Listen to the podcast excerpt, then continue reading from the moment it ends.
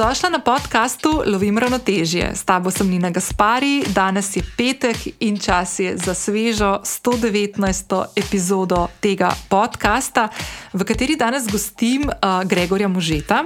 In kot se je sam predstavil kasneje v pogovoru, ki ga boš lahko slišala, je on najprej oče, potem je mož, ortodont in lastnik zasebne ortodontske ambulante Orto MG v Postojni, kjer sem si med drugim tudi jaz polepšala svoj nasmeh pred tremi ali štirimi leti.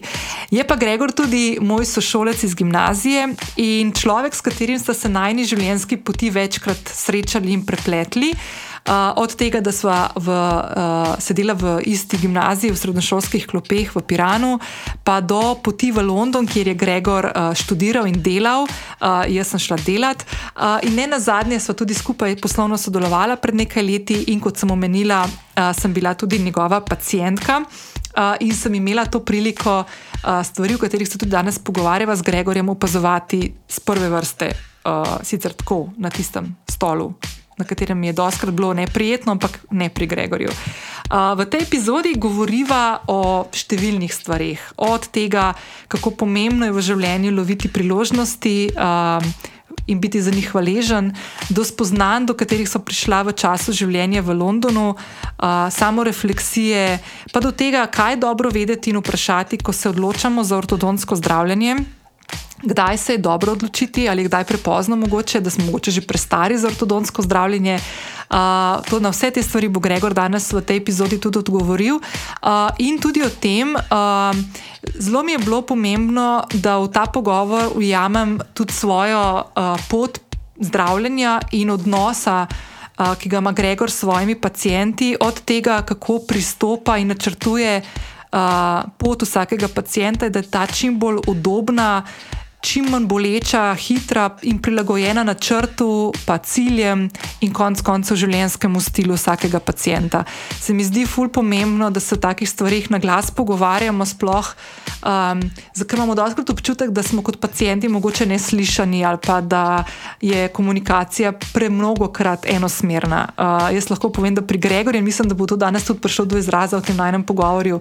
Uh, pogovoru je stvar bistveno drugačna, uh, ker je veliko smeha in, in tega občutka, da je Gregor na drugi strani predvsem človek, ki želi slišati svojega pacijenta in se mu čim bolj prilagoditi. In še ena stvar, ki mi je bila full fajn, ki smo tudi upletli v pogovor, je, da Gregor zelo podrobno tudi razloži kako poteka zdravljenje, kakšne pristope moderne uh, ortodonti danes uporabljajo, uh, kaj ima pri vsem tem tudi umetna inteligenca, ki sem jo tudi mimo grede jaz okusila uh, na, svojem, uh, na svoji poti iz ortodontskega zdravljenja in je res fascinantno to opazovati. Uh, tako da ja, jaz mislim, da bo blazno, blazno zanimivo poslušati Gregorja. Uh, ki um, zelo iskreno spregovori tudi o uh, svojih izzivih v življenju, ki ga spremljajo že od otroštva. Tako fajn se mi zdi tak pogovor, uh, srčen pogovor enega moškega, ki hodi po svetu, kot jaz rada rečem, s srcem na dlani. Uh, preden poslušava današnji pogovor, te vabim, da če še nisi prijavljena na podcast Lovim ravnoteže, to lahko storiš zdaj prek aplikacije, na kateri trenutno poslušaš to epizodo. Vedno sem vesela tudi ocen in mnen, ki mi jih lahko pustiš v aplikaciji aplikaciji, ali pa se mi oglasiš v zasebno sporočilo, najraje vidim, da to narediš na Instagramu, kjer se ti lahko najhitreje javim tudi nazaj. S prijavo dajo ocene in mnenja na aplikaciji, pri kateri poslušaš podcast, pomagaš, da zanj slišijo tudi te podobne ženske in moški. In kot vedno te tudi danes v zapisu epizode čaka nekaj povezav, ki smo jih z Gregorjem omenila v pogovoru, tudi povezava do njegovega ortodontskega studia oziroma ambulante v postojni, kjer se lahko tudi naročiš na pregled in Gregorja spoznaš tudi osebno. Uh, Gregor, hvala še enkrat za uh, srčen pogovor in ful se veselim, da se uživo srečava čim prej. Uživajte v pogovoru.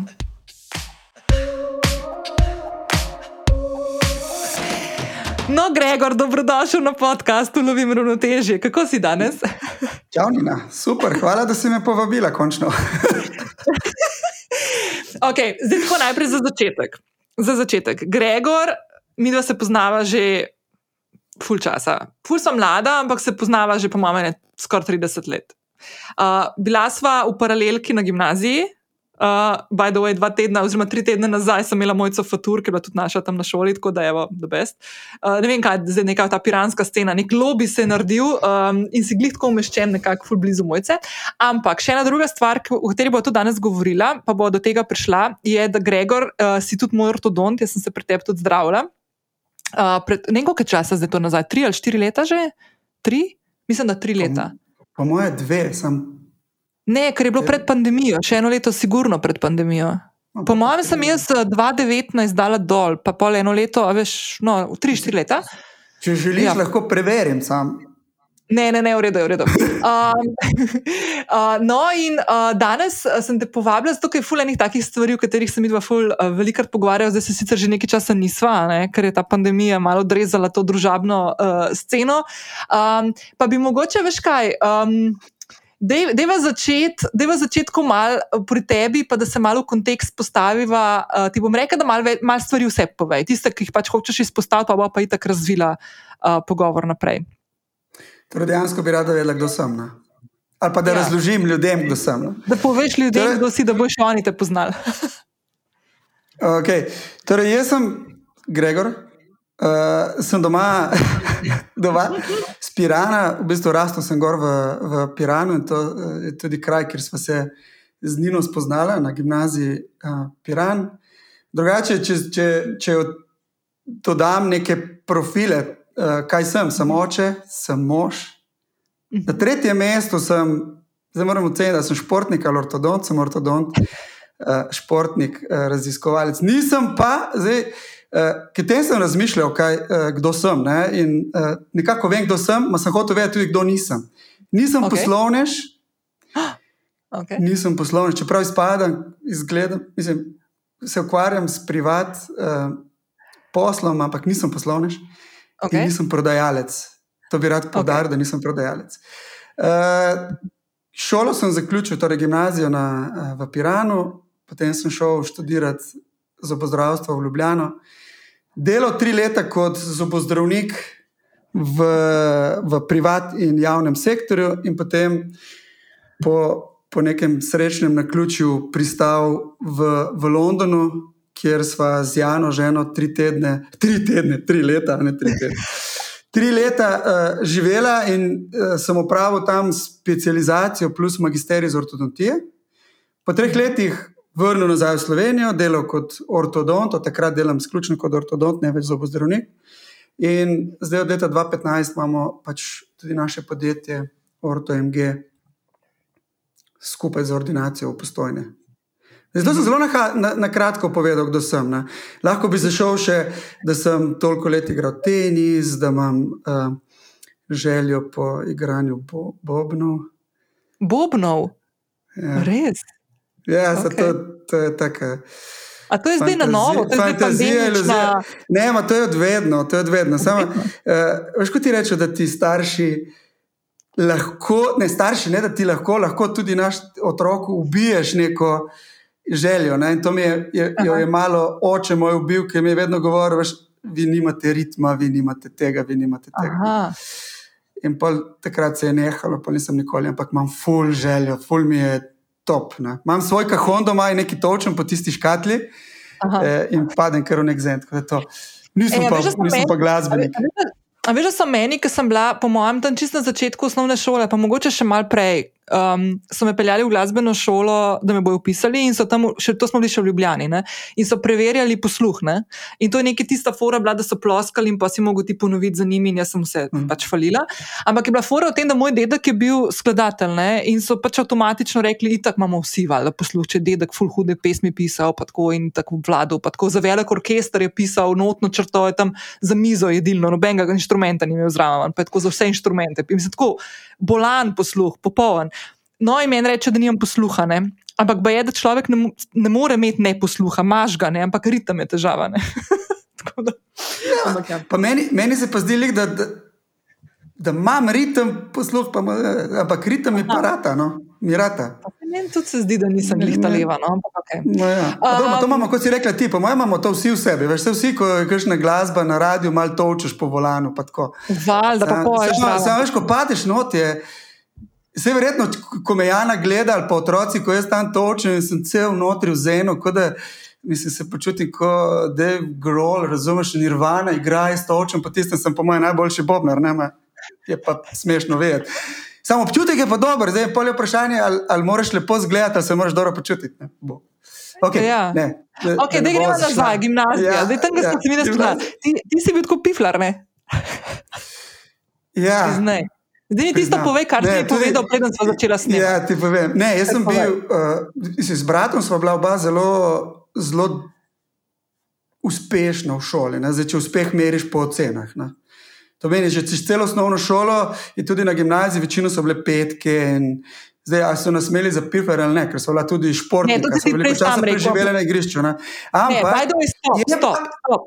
Ne, stop, sam nekaj da povem. Sam nekaj da povem. Uh, Gregor ima brata Andreja, dvojčka, ki je bil mimo grede, koliko je mehna Slovenija, ki je bil potem moj sodelavec na pristopu tudi. Sam to. Ja. Okay, to sem hotel sam dodati. Videla sta bila oba športnika, oba sta full tenis igrala in oba sta bila full pridna v šoli.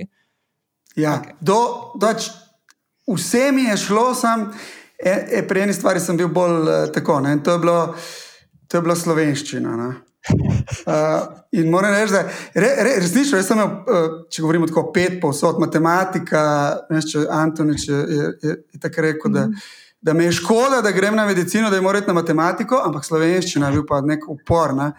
In uh, sem tudi z dobu, edini. No, se pa sem se trudil, da sem vsaj tri dobu tiste eseje, ne slovenščina mi ni šla, pisanje mi ni šlo. Pol, če je bilo treba recitirati, ne vem, če veš, da nas je enkrat Vlahovič, profe, profesorica, peljala ja. na. Vse vas je tudi, verjetno. Ali? Smo šli na, na Piran, v Piran, do, na crkvu in potem si izbral eno pesem in si jo moral deklamirati. Fak, jaz se to ne spomnim. Ja, ne, jaz se spomnim, zato ker ker je spet kot Bob, nisem padel v zemljo, sem fule povedal. Tako, to mi je šlo. Okay. Ampak uh, pisanje ne. ne. Tudi maturo, ne, spet zelo uspešen uh, učenec. Sorry, zdaj si ti mene prekinila. Ne, ne vem, vem. Ali sem s tebe? Zdaj dokončam. Uh, če si že vprašala, glede tega, kako sem bil priden na, na gimnaziji. Mislim, gimnazija se zaključi pol z maturo in uh, valjda pričakovanja so bila visoka, ne, pač zelo uh mhm. -huh. uspešen učenec. In sem tudi na maturi skoraj padel maturo zaradi slovenščine in spet esej. Tako da, uh, celo eden od, uh, ker pa smo šli pogledat, kaj je bilo na robe, in en od teh ocenjevalcev je napisal, da žal ni uspel uh, prebrati, ki je bila pisava tako slaba. Ne. Super, da si to zdaj povedal, ker zdaj moje vprašanje je naslednje. Se pravi, to je tisto, ali je prej jajce ali kura. Ne? Zdaj tako ne. A veš, kaj ti dobiš včasih, zdaj ni več tega, hvala Bogu, ne? digitalizacija, ampak si dobil recept ne? od zdravnika, napisan, mm. ali pa zdravnika, ali pa ortodonta. Ne? A je to normalno? Se pravi, tisti, ki ne znate dobro, pa lepo pisati, da je brljivo za vami, greste pač v medicinske neke te stvari. ali, ali se to pol zgodi? Mali mikrofon izklopil, da se bo nasmejal. ja, sorry, sem obljubil, da bom izklopil. Jaz rad smejem, tako da, sem, veš, da ne bo preveč šuma v zadju, ko Nina govori. Ne, jaz mislim, da, da, da ni temu tako. Je pa res, da uh, mogoče razlog, zakaj, to je moja razlaga, zakaj zdravniki, pa zobozdravniki pišemo površno te recepte, ker ni, ni, ni nekega časa in tudi nimaš neke volje, uh, nisi imel volje. Po, Izgublja čas in pol to zelo na hitro napišeš. Ne? Pa mogoče nam tudi niso ja. vcepili tega pomena lepe pisave. In zdaj upam, da me otrok ne posluša. Uh, Jana zelo poudarja, da se morajo lepo naučiti pisati. In, veš, ne samo kaj napišem, tudi da lepo napišem. Ne? Meni se zdi to mm. nepomembno. Ne po mojem, je to nekaj navadnega. To je bolj pomembno kot včasih, ker se mi zdi, da zdaj tudi otroci sploh več ne znajo pisati, ker so tako veliko po teh raznih računalnikih. To, veš, ja, sem, to, ja. Sam zdaj, veš, se morajo tudi naučiti, naučiti pisati računalniško, ne? da ne govorimo o, o kakšnih mhm. kodiranjih. Pa ne samo, da se naučiš tipkati po računalniku, ja, ampak ja. se naučiš tudi, uh, kaj ustvarjati na računalniku. To, mhm. ampak ja, ja ne, jaz sem zato, da, da se moji otroci naučijo lepo, čitljivo pisati. Ni, da nisem. A ne boš imel pa sivih las, ko boš na maturo, pa boš šus dobili. S tem nimam problemov, ki če, če pogledaš moje slike. Ni izziva, bolje, bolje tukaj brade, lahko si imamo tudi že, tako, to je gotovo. Edino, če začnemo brvi izgubljati, to pa po mojem že znak česa drugega.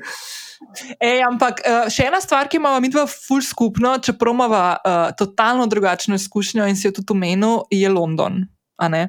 Um, ti si rekel, prej, ko si um, se malo predalčke dajal ne, na začetku, ko si se predstavljal, si rekel, da si imel to srečo, ne, da si lahko to izkoristil.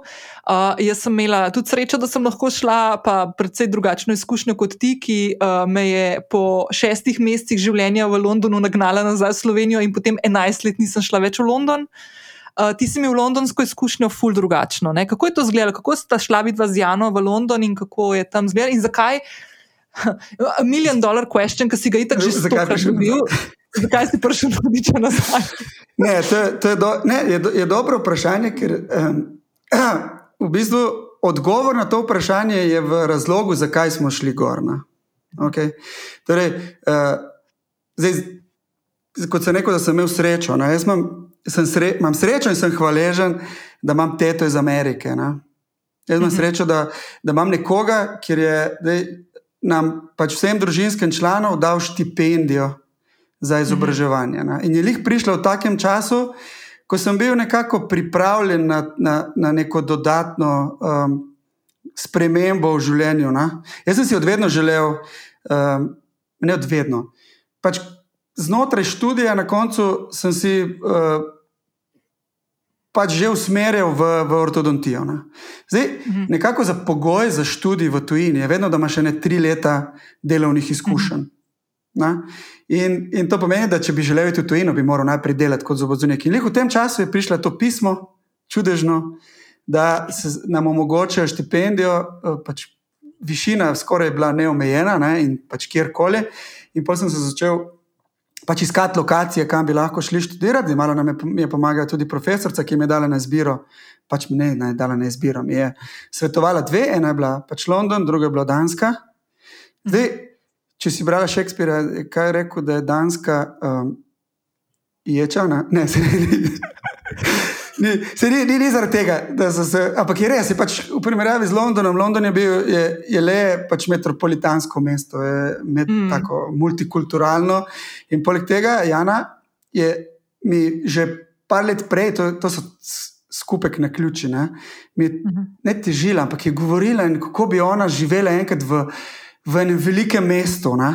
In pa se je tukaj dejansko ta uh, možnost porodila, da ne govorimo o tem, da strice itak živel v, v Londonu, so imeli tam hišo. Ne. In dejansko smo mi, potem ko smo dobili to pismo, smo se prijavili. Sem, mislim, smo, vedno govorim množini, zato ker sem imel podpor, sem imel prijatelje, ki so mi pomagali pri pisanju stvari. Jaz, sem, jaz se vedno imam za nekoga, ki prihaja iz enega majhnega mesta in je bila vedno neka blokada pred takimi stvarmi. Je bil full velik strah. Le, jaz sem mu priznal, je bil strah. Mm -hmm. Jaz nisem takšen. Uh, zelo outgoing, ne, da bi zdaj rekel, okay, kot ti. Jaz vsaka čas tebi, da si ti šla v London na ta način, ko si šla. Ti si, ti si imela drugačno experience, ampak si šla bolj. Kaj če rečeš, hardcore London, ne uno, ja, jaz grem, ne bom nekaj doživela. Ne? Jaz sem šel gor, zelo pampered.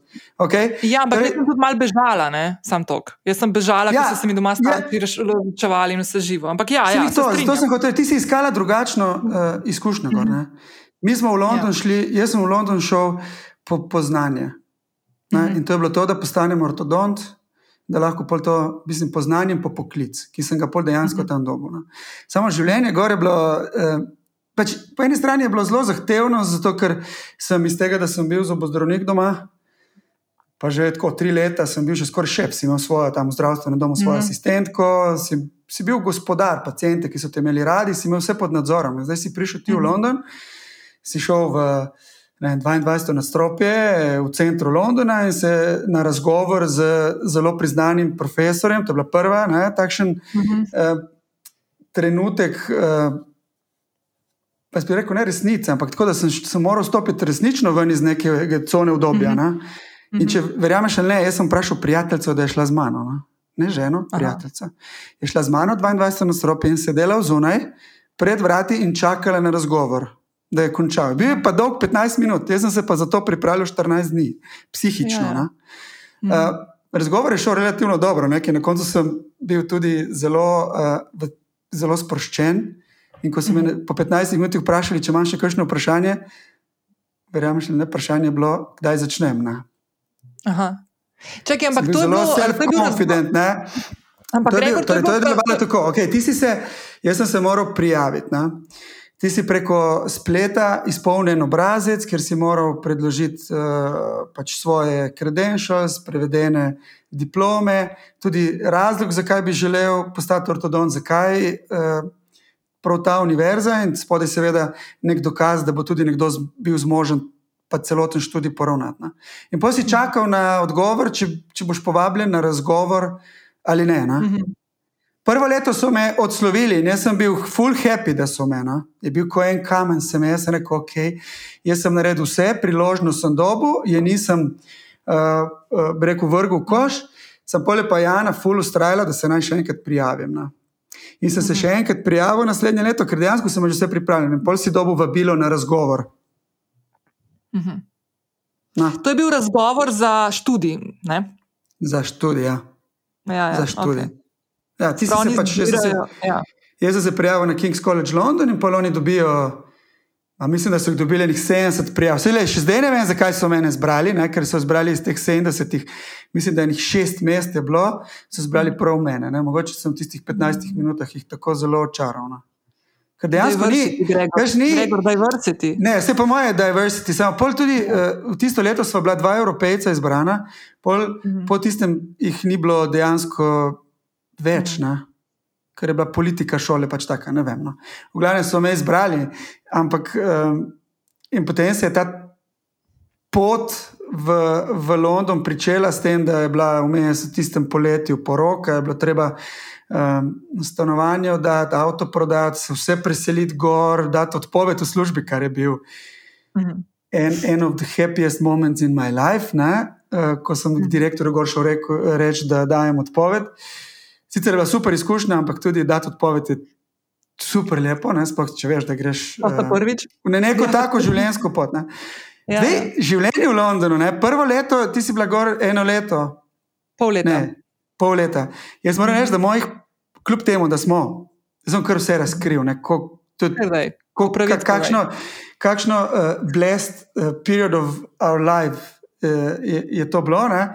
Živeli smo v hiši, Mhm. Ki je bila ne vem, trosobna hiša sredi Londona, zdaj, če ne vem, Notting Hill, v bistvu Holland Park, nekje vmes, mm -hmm. cona ena, top shit. Ne? Mislim, to Stric je je bil prestižni del Londona. Ne, Ja, na, ja, to je res Ja. prestižni del Londona, ko je na vasica umirjeno. Ne? Mhm. Stric je Ja. bil tam enkrat na. Ali pa parkrat na leto je prišel za 14 dni, nas je razvajal, ful. Smo Mhm. šli v lepe restauracije, vse. Imela sva avto na razpolago, ki ga noben eh, kolega V Londonu nima. v Londonu, po načeloma nima, mi da so imela avto in sva bila že veš. veš na, najdva so imeli do poškapel, veš. Kljub temu Ja. so bila iz Slovenije, mi smo bila una dva do poškapel. Uh, in uh, veš, tudi študij je bil plačan, tako da je bilo vse, bi rekel, tako, res pravljica. Ne? Ja. Samo eh, neka anksioznost je tistih šest mesecev še zmeraj bila prisotna in je bilo zelo stresno. Veš, je, je, um, eno je, če greš ti v London na dopust, pa veš, da se boš pol vrnil. Drugo je, če ti greš gor živeti in moraš urediti vse papirje, da ne govorimo, kako težko je bilo odpreti račun, če si šla to čez. Sam. Že dobiti. Pa nategnili so eh, me na banki, sam povem. Ma nas niso, so pa nas uh, zavle, so zavlačevali enormno, da smo lahko odprli račun. Veš, problem je bil, da mi smo bili gor študenti, živel sem pri stricu, torej dejansko nisem imel nekega stalnega naslova, pol smo si ga uredili. Pol stric je moral, uh, je bil ta garant, da smo bili pač. Uh, Vredni tega računa, kot je razložiti. Ne? In isto je bilo Ja, ja, ja, za ja, dobiti ja, telefon in za vse. Torej, vse pol se je to rešilo. Sam bolje je bilo pa to domotožje. Ja, je bilo ja. domotožje, mi smo si vrteli, zelo smešno, smo si vrteli, mislim, domotožje, kako se stari. Si nismo vrteli slovenskih komadov, smo si balkanske vrteli, veš, te dalmatinske, zato da smo se počutili doma, jedla smo slovensko hrano, une klobase. Eh, eh, tako, ne, in, in je trajalo dejansko enih 6-9 mesecev. Vem, da je Jana, ki je hodila na tečaj angleščine, je prav dobila en esej za brat, za, za izgovorjavo, veš, je imela uh -huh. uh, učitelja in je bilo jih to ta transition, ta uh, ko se ti preseliš v tujo državo, kakšen je ta tranzition. Je ta vzhičenost na začetku, ki pride v neko delno, skoraj depresijo, in pa se izvlečeš ven. Ne? Izvlekel mm. sem se pa dejansko, ko, ko, sem, ko, ko je ratalo to okolje, moj comfort zone spet. Maj mm. trajalo, prizna eno leto. Da sem ja, ja. obvladal dovolj jezik, da sem lahko komuniciral z angliži. Ker to, veš, ti si z njim v družbi, oni se začnejo pogovarjati in to je hiter tempo. Ne? Oni govorijo, mm -hmm. govorijo. Ti znaš angliško, v glavi še zmeraj slovensko govoriš. In prej ti pripraviš nekaj, da boš povedal, oni že govorijo o četrti stvari. Ne? In je bilo mhm. ful težko, ja, ja, jaz sem ja. veljal za sramežljivega. Čeprav se veš, jaz sem do ene mere sramežljiv, ampak ko pridemo v družbo, se le sprostim. Tam se nisem mogel, ja. trajalo kršno leto in pol. Ampak je bila pravljica, še zmeraj, je bila loterija za me. Ja. Ja. Ne, jaz sem ful, naprimer, kar je meni ful zanimivo pri tebi, pri tvojemu, kako sta šla vidva z Jano v London, pa za razliko od mene, no, je tudi to, da ti si sicer imel Jano ob sebi, ampak vse nimaš tistega support sistema. Se pravi, nimaš, naprimer, nekoga na dosegu dveh številk, pa dveh klicev, da lahko vprašaš kakšno vprašanje. Naprimer, imaš težavo z banko kako zdaj to stvar na hitro urediti. Veš, to v Sloveniji to imaš, ker poznaš. Ne? Ti dva klica obrneš in prideš do točno tiste informacije, ki jo rabiš, praktično. Ali pa, ali pa štiri klice, vse vse, ne? če si pač malo bolj tako, moraš malo bolj zamuvati. To je, naprimer, tega. Jaz, sem pomen te mreže poznanstv um, šele takrat spoznala, ko jih nisem imela. Ne? In um, ja. Ne, to, to, je, le, to, to, to je čist res. Po drugi strani ti pa da možnost, da napleteš nove mreže. Veš? Veš? Jaz ja. opažam, da ko si ti enkrat upleten v neko mrežo, ne? tudi zdaj govorimo družinsko, službeno, prijatelji in vse, ne? je lahko to uvira, da ti širiš to svoje obzorje. Ne? In jaz mm. mislim, da te mora, te, te mora nekdo primiti. Pa te vršiti ven, zato ti nočeš ven iz tega. To je komfort, mm -hmm. to je mhm. full komfort. Ni, ni komfort to, da imaš denar, pa dobro, to je tudi malo, da je na meja je. Ampak to, ko si rekla ti, ta mreža ljudi, na katere lahko ti mm -hmm. uh, se ne, zaneseš in ti pomaga, mm -hmm. to je mhm. ful pomembno. Sam ja. ti pa lahko tudi ovira. Ja, jaz verjamem, da za me je, pustimo to, da sem postal ortodont, ne? pa tudi ne za me, pa tudi za Jano.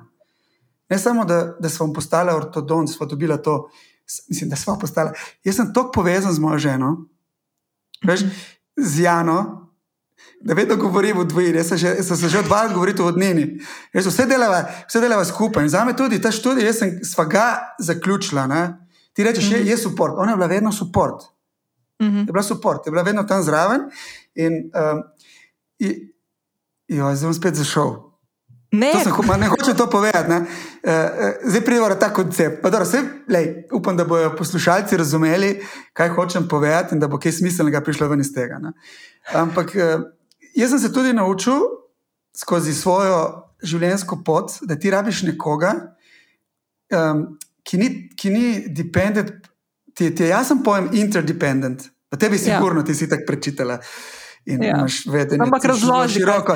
Ampak no, interdependence je v smislu, da imaš nekoga, pa ne, ni rečeno, da je to tvoj uh, partner, lahko je tudi prijatelj, lahko je sodelavec, karkoli, uh mhm. -huh. ki v bistvu te dopolnjuje. Ne?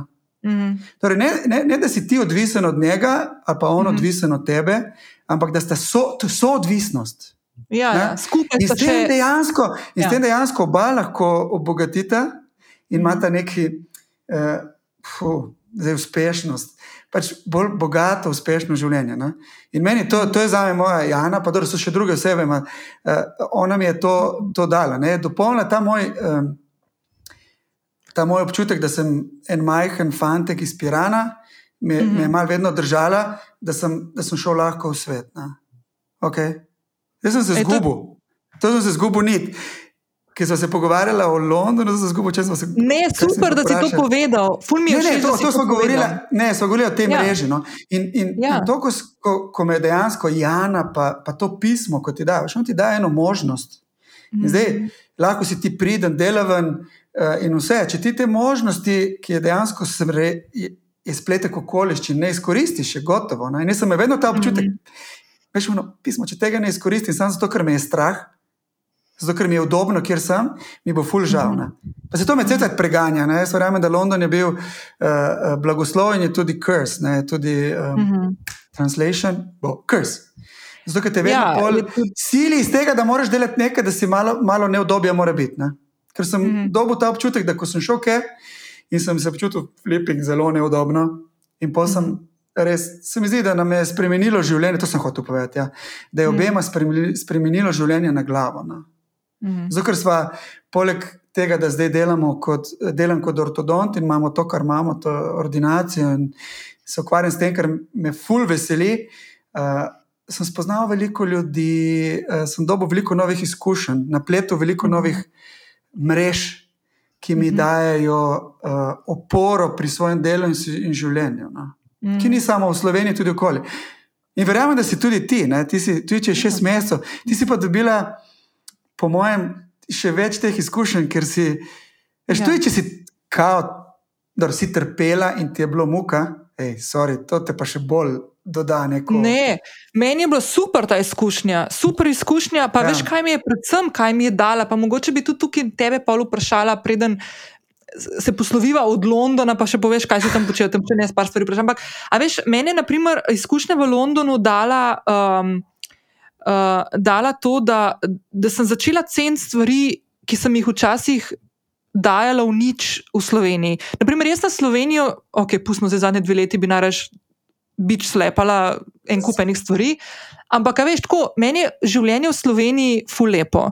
Um, bom še eno stvar rekla, ki mogoče je mal um, kontroverzna, ampak I don't give a F, ne, da to, da v Sloveniji si lahko re, le, relativno len, pa udobno živiš, kar zelo težko narediš v tujini, oziroma si včasih zelo težko narediš v tujini, ne vem kako je zdaj, mogoče s tem COVID-om, pa to, da mogoče so se tudi te stvari mal sprostile, ne, ampak dejansko eh, zelo lahkotno, hm, lahkotno življenje in udobno življenje lahko gradiš.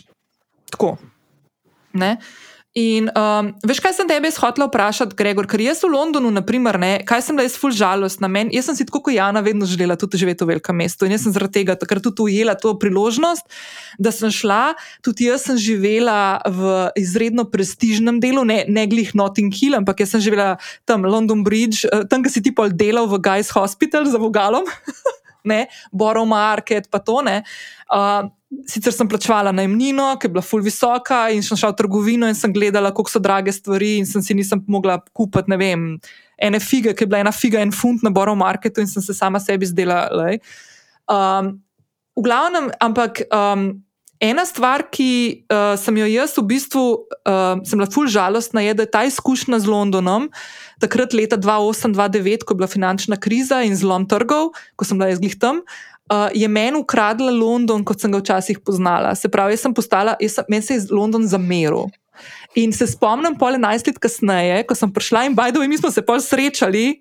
Takrat, ko sem bila v Londonu pri Ani, smo šli na pijačo v, na Porto Belo, pa to, uh, full the best. In to je bil, na primer, London, ki sem ga jaz želela okusiti. Takrat, ko smo se mi tam, ko smo šli na penino, pa smo se zafrkavali, pa, zafrk, a veš, pa tako, pa šli na kosilo, tisto perzijsko ali kam iransko restauracijo. A veš, to je ta London, ki sem ga jaz full želela tudi okusiti in ga takrat pol leta nisem. In to je meni žal, da ga nisem. Ampak ni mi pa žal, da sem šla, ker mi je full dala ta izkušnja. Zdaj, zdaj te popolnoma razumem. Sem, mo, mogoče, mogoče pa ne, da bi ti kaj. Uh, Da bi si ti kaj lahko učitelj, si premalo ustrajala. Sicer res ne vem, kako je bilo. Ja, ne.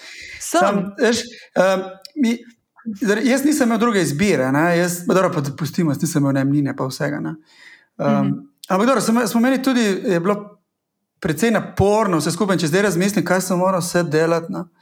Uh, si mislim, kako si lahko. Ne? Ma si imel nek, veš, imaš neko motivacijo, nek motiv in delaš. Mhm. ne. Um, sam, če bi ti mogoče malo bolj ustrajala, da bi prešla ta. Ja. Uh, da, bi, da, da, da bi zaživela to, kar si zdaj govorila, da, da si si predstavljala London. ne. Zato, je, zato sem prej rekel, eno je, ko greš ti uh, na dopust ali pa na obisk prijatelju in ga doživljaš. Ne, ja, kot turist, pa tudi če si malo več časa. Ne? Drugo je, ko Mhm. pa si tam ustvarjaš življenje, tako kot si ga ti doživljaš, da moraš plačevati najemnino, moraš plačevati Mhm. hrano in moraš delati. In delaš lahko tudi stvari, ki te ne veselijo, zato da Ja. preživiš. Ne? Veš, kaj je In fora? je to malo, in je to malo drugače. Ne? Ne, se Um, strinjam, sam- ful se ja. strinjam. čak sem, da ti povem, ful se strinjam s tabo. Jaz sem se leta, potem, ko se je moja londonska zgodba zaključila, pri sebi ukvarjala s tem, če sem prehitro dvignila roke. In sem prišla prvič do dveh zaključkov. Prvi zaključek je bil ta, da je bil, da je bil optimalen čas, ko sem šla nazaj.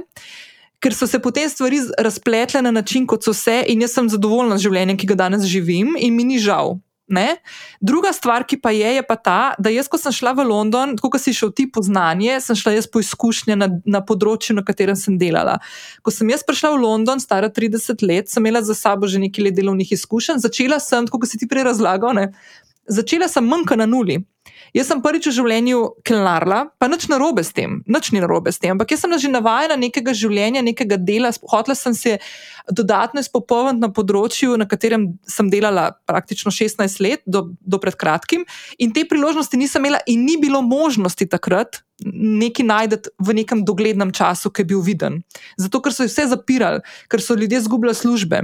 In jaz sem lahko konstantno v tem notri. In jaz sem tako kot sem pobegala v London pred določenimi težavami, sem pobegala nazaj domov, ker sem videla, da tam se ne bojo stvari tako razpletle, kot so se. In sem bila po pol leta tako utrujena od tega tempa londonskega, ki je že tako naporen, tudi če ti je fajn, ne, je, da enostavno nisem imela več tega grifane.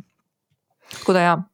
Ne, sej, le, jaz še zmeraj verjamem, da ti je dalo tiste, vsaka izkušnja je full dobro. Uh, in mogoče je bil res tudi bedtime, samo da ne bomo zdaj analizirali, ker res ne vem, res, kje si delala. Sam kdaj si šel ti v London, prosti? Jaz sem šel, ko si ti šla domov. Ja, ja, ja. Ja. Sej, mi, smo, mi smo prišli, pa bi skoraj rekel, v idealnem času, tudi glede ja, ja. štipendij, vsega, funt je padel, to je bilo, uh, hrana, to je bilo vse. Uh, ratalo ceneje, ne? prej, si, prej je bilo skoraj ena, dva, pol je bilo ena, ena. Ne? Pa to ti jaz lahko povem. Je, je, jaz, ko ne, sem šla, ti si, bila, ti si, Ti si, ne, na ena, ti si bila na ena, dva. Ne? Bila, ne, točno ti povem, ko sem šla jaz v London 12. oktober 2008, je bila, je bila funt evra, je bil 1,26. In ko sem šla nazaj, sem naprimer za 300 funtov dobila 230 evrov, ker je bil funt nižji od evra. Sam to. Ja, no, to je bila ta razlika. Ja. Je bil tudi niže, ja, možno da je bil. Ja, niže je bil. Torej, ja, nam, je pri, nam je to šlo, pa če je bilo pisano na kožo. Ja, ja. Hrana je bila cenejša, pijače so bile cenejše, vse je bilo cenejše. No, ampak zdaj gremo. Smo imeli veliko stvar. časa za hoditi po drinkih. Valjda, ti si tam spal. Jaz nisem bil žur, jaz sem. Uh, ja, zdaj ne vem, če bi koga zanimalo, kako je študij potekal. Ma. Ne, veš, kaj me zanima, kar se študija tiče. Uh, v ja. bistvu je tako, da si, ti, da si ti v bistvu študiral in si imel. Um, eno stvar, ki, ki mi se zdaj že toliko časa poznava, da so o teh stvarih že ful pogovarjali, ampak ena stvar, ki je bila razlika v Londonu, je bilo to, da si ti imel ogromno prakse. Spravi, ti si celo, uh, celo študijsko obdobje teh treh let, ko si študiral in delal po magisteriji in tako, uh, pa specializacijo, si v bistvu zraven tudi delal v bolnici, in, uh, in si imel to prakso še zraven. A drži? Ja. Ja, zdaj, to, to ni razlika, ne? v Sloveniji je enako. Specializacija Eno je torej razlika med specializacijo in magistrskim študijem, da magistrski študij je nekaj akademskega. Ne? Uh mhm. -huh. To pomeni, da ti zelo eh, plastično, dejansko se učiš, kako narediti raziskavo in kako kritično razmišljati. Ne? Se to je dobro znanje, ne samo za, za ortodontijo, za vse to je za življenje nasplošno. Da znaš pač kritično oceniti uh, določene trditve izjave. Ne? To je magisterij. Medtem ko specializacija je pa dejansko bazira na, na izkušnjah, kar mhm. pomeni, da ti moraš delati s pacijenti. In enako tudi v Sloveniji. Mhm. Zdaj, za razliko od Slovenije, uh, sem jaz delal ne na eni bolnici, na dveh. Ena je bila Guy's Hospital pri London Bridgeu, v tvojem predelu, mhm. zraven Boro Marketa. Top. Tam je bil tudi od King's College ta Guy's Campus, ki je, Guy's Campus, ki je za, od King's College Medical Part. Ne? In druga je bila pa St. George's Hospital, ki je bila pa bolj na, na jugu uh, Londona, mm. torej na dveh. In je, razlika je bila tudi, da ta Guy's Hospital je bil večji in je bilo več, um, kot se reče, teh ortodontov. Mm -hmm. ki, torej, ti imaš enega profesora, in pol je bilo več specialistov ortodontov, ki so nadzirali tvoje delo. Aha. In to je nekaj največjega, kar lahko pri specializaciji dobiš. Dobiš mm -hmm. več glav, ki razmišljajo o isti stvari na drugačen način. Uh mhm. -huh. In poleg tega, da sem bil na eni bolnici, je bilo še na drugi, tako da jih je bilo teh glav toliko, da si dobil veliko različnih perspektiv. In kar si se naučil, je, da dej z, uh, many ways to skin a cat. Ne? To pomeni, da do, do istega cilja lahko priješ na več uh, načinov, in poleg tega ti je dalo uh, pač razmišljati, reče, čakaj malo. Zdaj, Oni hoče, da tako naredim, zdaj pa imam istega, podoben primer, drugi pacijent pa želi, da to tako naredim. Čakaj, kaj ni. In, in, in to je specializacija. Torej, da ti mm -hmm. dobiš praktične izkušnje. In to je pomenilo, da sem moral. Zato je tudi tri leta. Dve leta je bilo to akademsko, ko si delal raziskovalno nalogo, in to je bilo enkrat na teden, štirikrat na teden si pa delal s pacijenti v dveh bolnicah. Po treh letih si moral pripraviti eh, ta logbook pacijentov in svojih caseov, moral si pripraviti, kako mislim, da je podobno pri nas, pet primerov, ki si jih pol predstavil žiri, ne? žiri. Si, sorry, zdaj smo na, zdaj smo na talenti, uh, ortodoksni talenti, London 2012.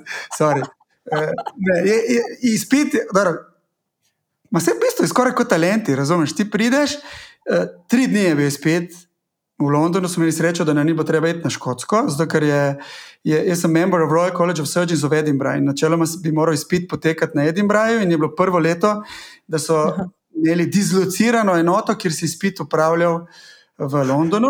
Tri dni, okay? tri dni, en je bil, ne vem, neki si pisal, potem imel primere, ki si jih moral ti, ti predstavljam, da je to en prostor, ti dajo neke modelčke, 10-15 minut, moraš narediti načrt, in pol priješ pred to žirijo.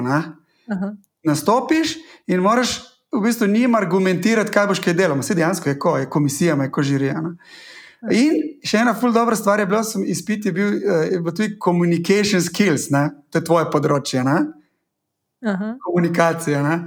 E, tako da si, si, si, si igral vloge, kako ti komuniciraš s pacijenti. Tako da je bilo e, zelo, e, zelo zahtevno. No? In pol potem, dobiš pač, če opraviš izpit, niso ga vsi opravili, no? mhm. dobiš pač naziv, ker je eno, je, da postaneš specialist. Ne?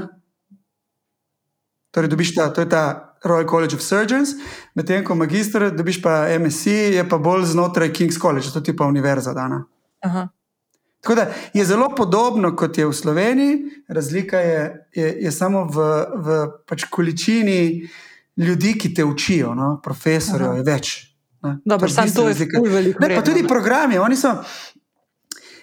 profesor ima vlogo, da tebe nauči. Ne? In jaz tudi mislim, da, da zdaj razumem malo, kako so oni zbirali ljudi. Torej, profesor, dober profesor, zbere tako ekipo, ki pride od prvega do tretjega letnika in da vsi zaključijo in vsi znajo. Ne? To je njegova naloga, to je profesor. Profesor je, da ti da znanje, da pol narediš un izpit na koncu. Ti mhm. plačaš profesorja, šolo, da, da te naučijo, dovo, mislim, dovolj, pač, da boš pol to delal, ampak ti hočeš tudi tisti naziv. Ne? In po mhm. moje, veš, mene so videli kot liderje tam, kaj pa vem. Ker sem bil dejansko tudi. Um, Ja, spet bom zašel. Ampak, dobro, je, je, je, jaz sem bil na koncu tudi predstavnik študentov. Veš, da poškapel. Jaz sem bil na koncu tudi predstavnik študentov in uh, sem bil v teh organizacijskih vodah, sva bila, spet sva bila z Jano.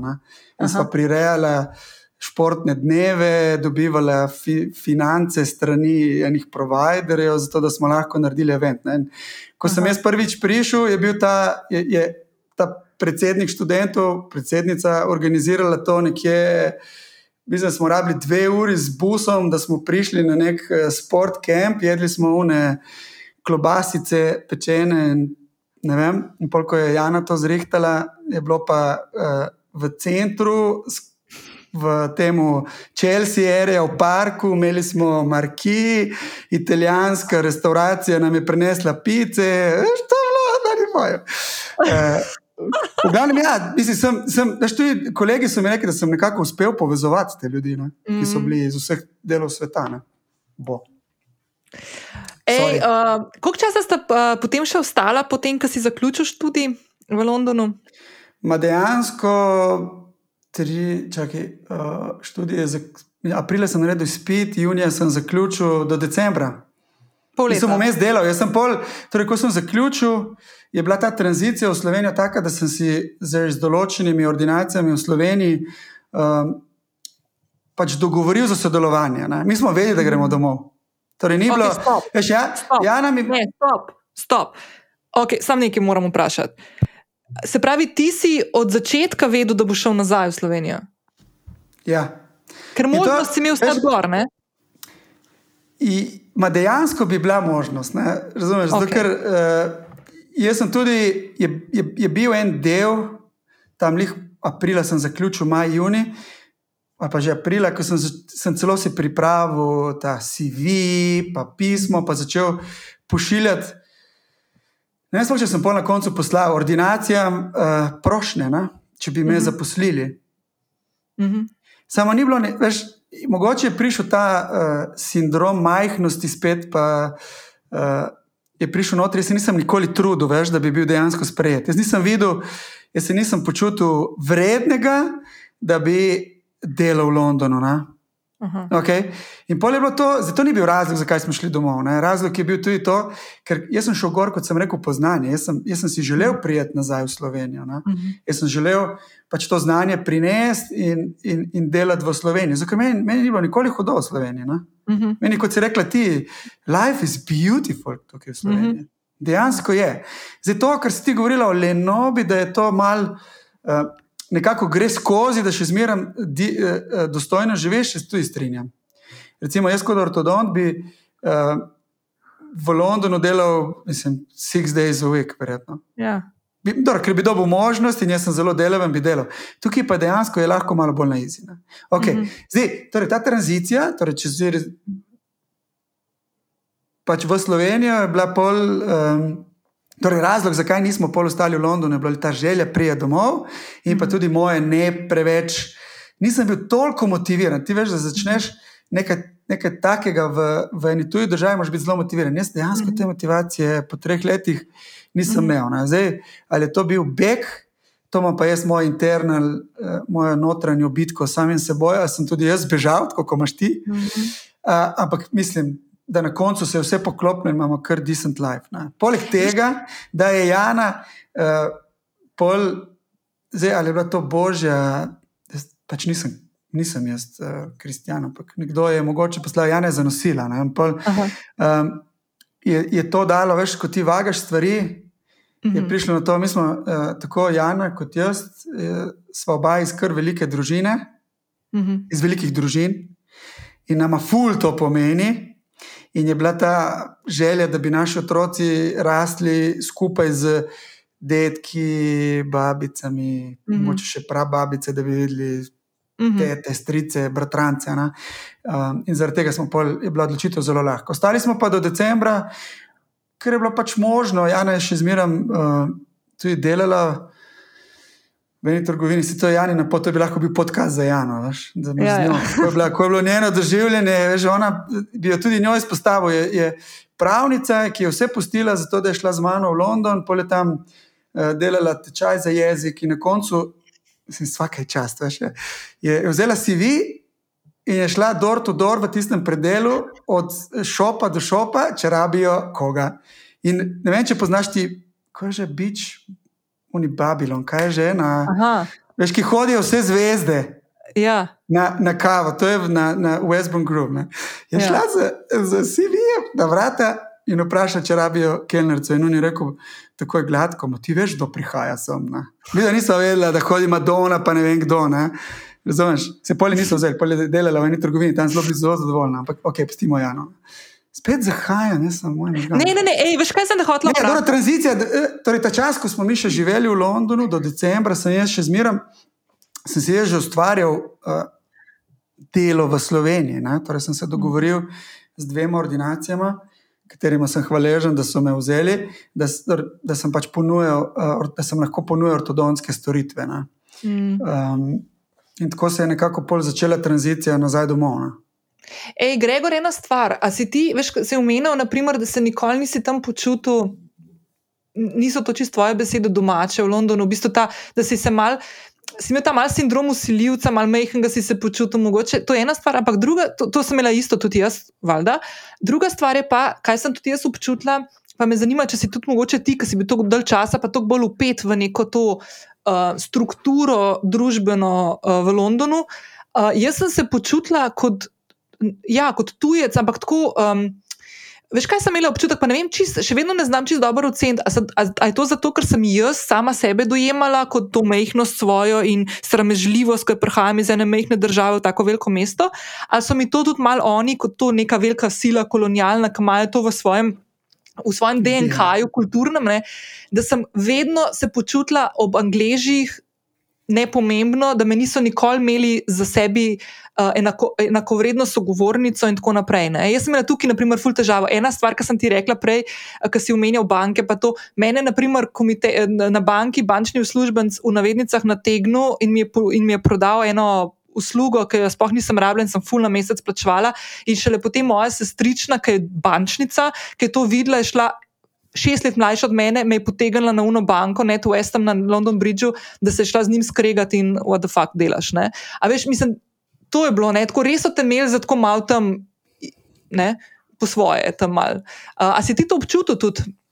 Na, mislim, na koži, bom rekel, bolj, bolj ne, ampak uh, sem kakšno izjavo uh, pred, iz teh angležev slišal. Ja. Zdaj, uh -huh. uh, Mi, mi dva z Janom smo bila zelo upeta v ta moj študij in v krog prijateljev, ki sem jih imel, in to so bili iz celega sveta. Tako da si se počutil mm. eh, eh, vključenega v to družbo, ima definitivno izključenega, kar se tiče angležev. Mm -hmm. Smo imeli eno kolegico, ki je po treh letih, ko smo bili skupaj, še zmeraj imela kaj za pripomniti, nad, bi rekel, tujo delovno silo, ne, celo izjave, da ja, prihajajo in pol imajo to, iz, uh, izkoriščajo to z, uh, NHS, zavarovanje. Ne vem kaj, mislim.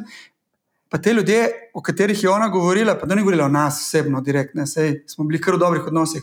Ampak to so delavci, ki pridejo ne, in delajo za državo, del, upravljajo dela, ki jih pač plačujejo davke. Plačujejo davke ja. In ona gladko reče, da oni si pa tega skoraj da ne bi zaslužili. Tako da imajo ta sindrom. In jaz mislim, tudi, če si ti opazil, je vse prevedeno v full jezikov. Mm -hmm. ti imaš, ti, torej oni, uh, če ti prideš, ko so prihajali na preglede, ne, če mhm. niso znali jezika, so dobili nek prevajalca za, za mandarin do indijskega, za katerikoli -hmm. jezik. Ne. Uh, zdaj, to pa eni strani je dobro, ker uh, ti omogoča normalno funkcijo. Je pa nekaj, kar je. Uh, pač to sem na letalu se z nekom pogovarjal, enkrat sem nekam letel z eno angližnjo in je dala pripombo, da dejansko to tudi omogoča, to, da te izključijo iz družbe. Zato, ker ti se vključiš v družbo, kdaj? Ko osvojiš jezik. In mm -hmm. ko osvojiš jezik, ti da možnost, da ti pol se tudi, če govorimo za otroke, da ti lahko posežeš po boljši izobrazbi, če ne znaš jezika, oh, ti si že omejen. In si tudi v tekmi za boljše poklice. Mm -hmm. Če so oni zdaj, ne vem, so to zavestno to delali, ampak to se dejansko zgodi, če ti pa oni dajo ta, to možnost, mm -hmm. da se sploh jezika ni treba naučiti, da še zmeraj funkcioniraš. Te, te, te dajo na določen sloj, veš. Angleži se poznaš mm -hmm. to hierarhijo, oni ja. so zelo, sicer so socialna država, ima še zmeraj. Ja. Mi smo imeli srečo, ker smo bili tujci. In Jana je bila pravnica, in jaz sem bil zdravnik, tako da smo kljub moj poor Slavic spoken English, ne, so nas malo više gradili, ker si pač zdravnik, ima drugače, veš, ja. ti hitro popredalčkajo in ti ja. omejijo. Ja. Tako si ti doživela, so slišali verjetno ja. naš accent. Pa da ne govorimo, ja. kako oni drugače dojemajo Nemce. Pa, Ja, ja, ja, ja, ja. vzhodni blok, to je, to je absurd. To, to, Ej, to, to, to, to je že absurd. To je absurd. To, to kar si rekel, jaz se zdaj spet vračam na to bančno poslovalnico NetWest ob London Bridgeu. Jaz se spomnim, ker sem jaz tja prišla račun odpred, je bil tam noter v eni od teh kubiklov, uh, steklenih, je bil uh, polsko govoreč uh, referent. Uh, ki mimo grede, ko sem jaz odhajala in sem zaprla račun, ga tam ni bilo več, je, bil, je bila zaprta, uh, zaprta pisarna, ker je toliko Poljakov takrat v tistem času tudi šlo, to je šlo milijone ljudi iz Londona, iz Anglije ne? in niso več rabili, ni bilo več potrebe. In še ena stvar, ki sem jo jaz ugotovila, to mi je ful dobro si zdaj izpostavil. Um, ko sem jaz prišla nazaj iz Londona, sem opazila pri nas, da se Slovenci zelo podobno obnašamo oziroma tako, kaj mene ful moti pri slovencih. Da se počutimo zelo mehne. Evo, Gregor mi kaže, dobro, da to izpostavlja. Čak, ne vem, če prav veš, kaj bom povedal, ampak mislim, da veš. Počutimo zelo mehne in um, nepomembne in um, manj vredne za vse, kar prihaja zahodno od nas. Ko se pa ozremo na vzhod, smo pa prepotentni, prepogosto, vzvišeni in se dejansko obnašamo tako, kot smo mi dva se počutila, da se angliži do nas obnašajo. Kolonialno se obnašamo. No? In ne vem čisto odkje in zakaj ta prepotenca, ampak to je naprimer stvar, ki tudi jaz jo imam v sebi ne? in se z njo ful spopadam. To je stvar, ki je meni blazno neprijetna pri nas. Sam, ej, to, zato sem prikimaval in govoril, točno vedel, da boš to omenila.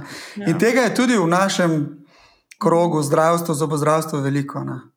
Ja. Je to prvo kot prvo, tako kot recimo Angleži, ali pa Mador, to je bil celo, ne vem.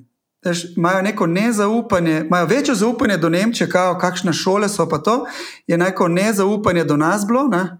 In tudi mhm. zato, dejansko je tako. Nemški ortodonti, ki, ki zaključijo študij, takoj dobijo službo. Mhm. Mi smo malo, uh, um, nas morajo več testirati, da vidijo, ko znamo. Ja. Zdaj, če pogledaš, je veliko, vale, ker v zdravstvu primankuje osebja ne? in prihajajo zdravniki, zobozdravniki iz juga, iz Makedonije, vse povsod. Vale, mhm. Prihajajo zato, ker potrebujejo. Uh, dobro, eno je, pač, kar rekle, boljše okolje ne, za živeti. In mi avtomatsko si mislimo, da imajo oni slabše znanje. Ja. Jih ja. takoj popredaj. In, in res, ne vem, ali to imaš odcepljeno notri, ali kaj je. Je, je, je res bitka, ne se moraš, moraš stopiti ven iz, iz te predpostavke, um, da je samo to tukaj ali pa na zahodu boljše. Sam Gregor, veš, to je res. Le, moramo biti tudi, jaz moram biti iskren. Na. Jaz še zmeraj mislim, da so določene šole in, in faksi dol na jugu, ki niso lih zelo na nivoju, in je pol izobrazba, ki se dobi lahko, ono, ampak da pa a priori ja. reči, to je pa ne vem, kaj pa ne. Ne, ne ampak veš, verjamem, da je zelo tudi poznam. Ja. Ne, samo to sem hotel zdaj umetno. Kaj je še ena stvar, da moramo tudi vedeti, da se to pri nas sistemsko dela. Ne?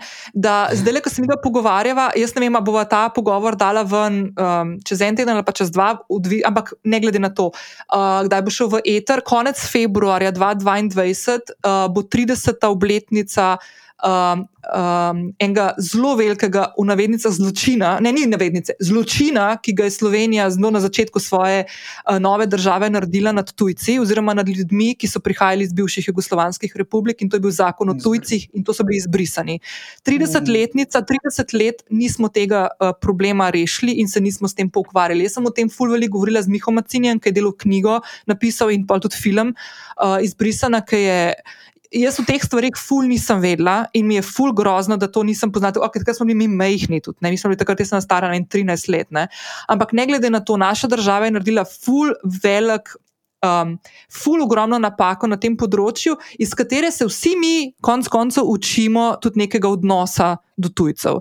In je to meni tako škandalozno, da se o teh stvarih premalo ve, premalo pogovarja in da ni nekega javnega diskursa. In, in konec koncev ne sprave, ampak da rečeš, zajebali smo, ker smo zajebali, kolektivno. Pač. Um, ok, Dej, zelo, zelo bom kratko, no, komet je spul, da to je že malo, skoraj, mislim, je politično, malo tudi človeško, sem eh, ne rad se pogovarjamo o teh stvareh.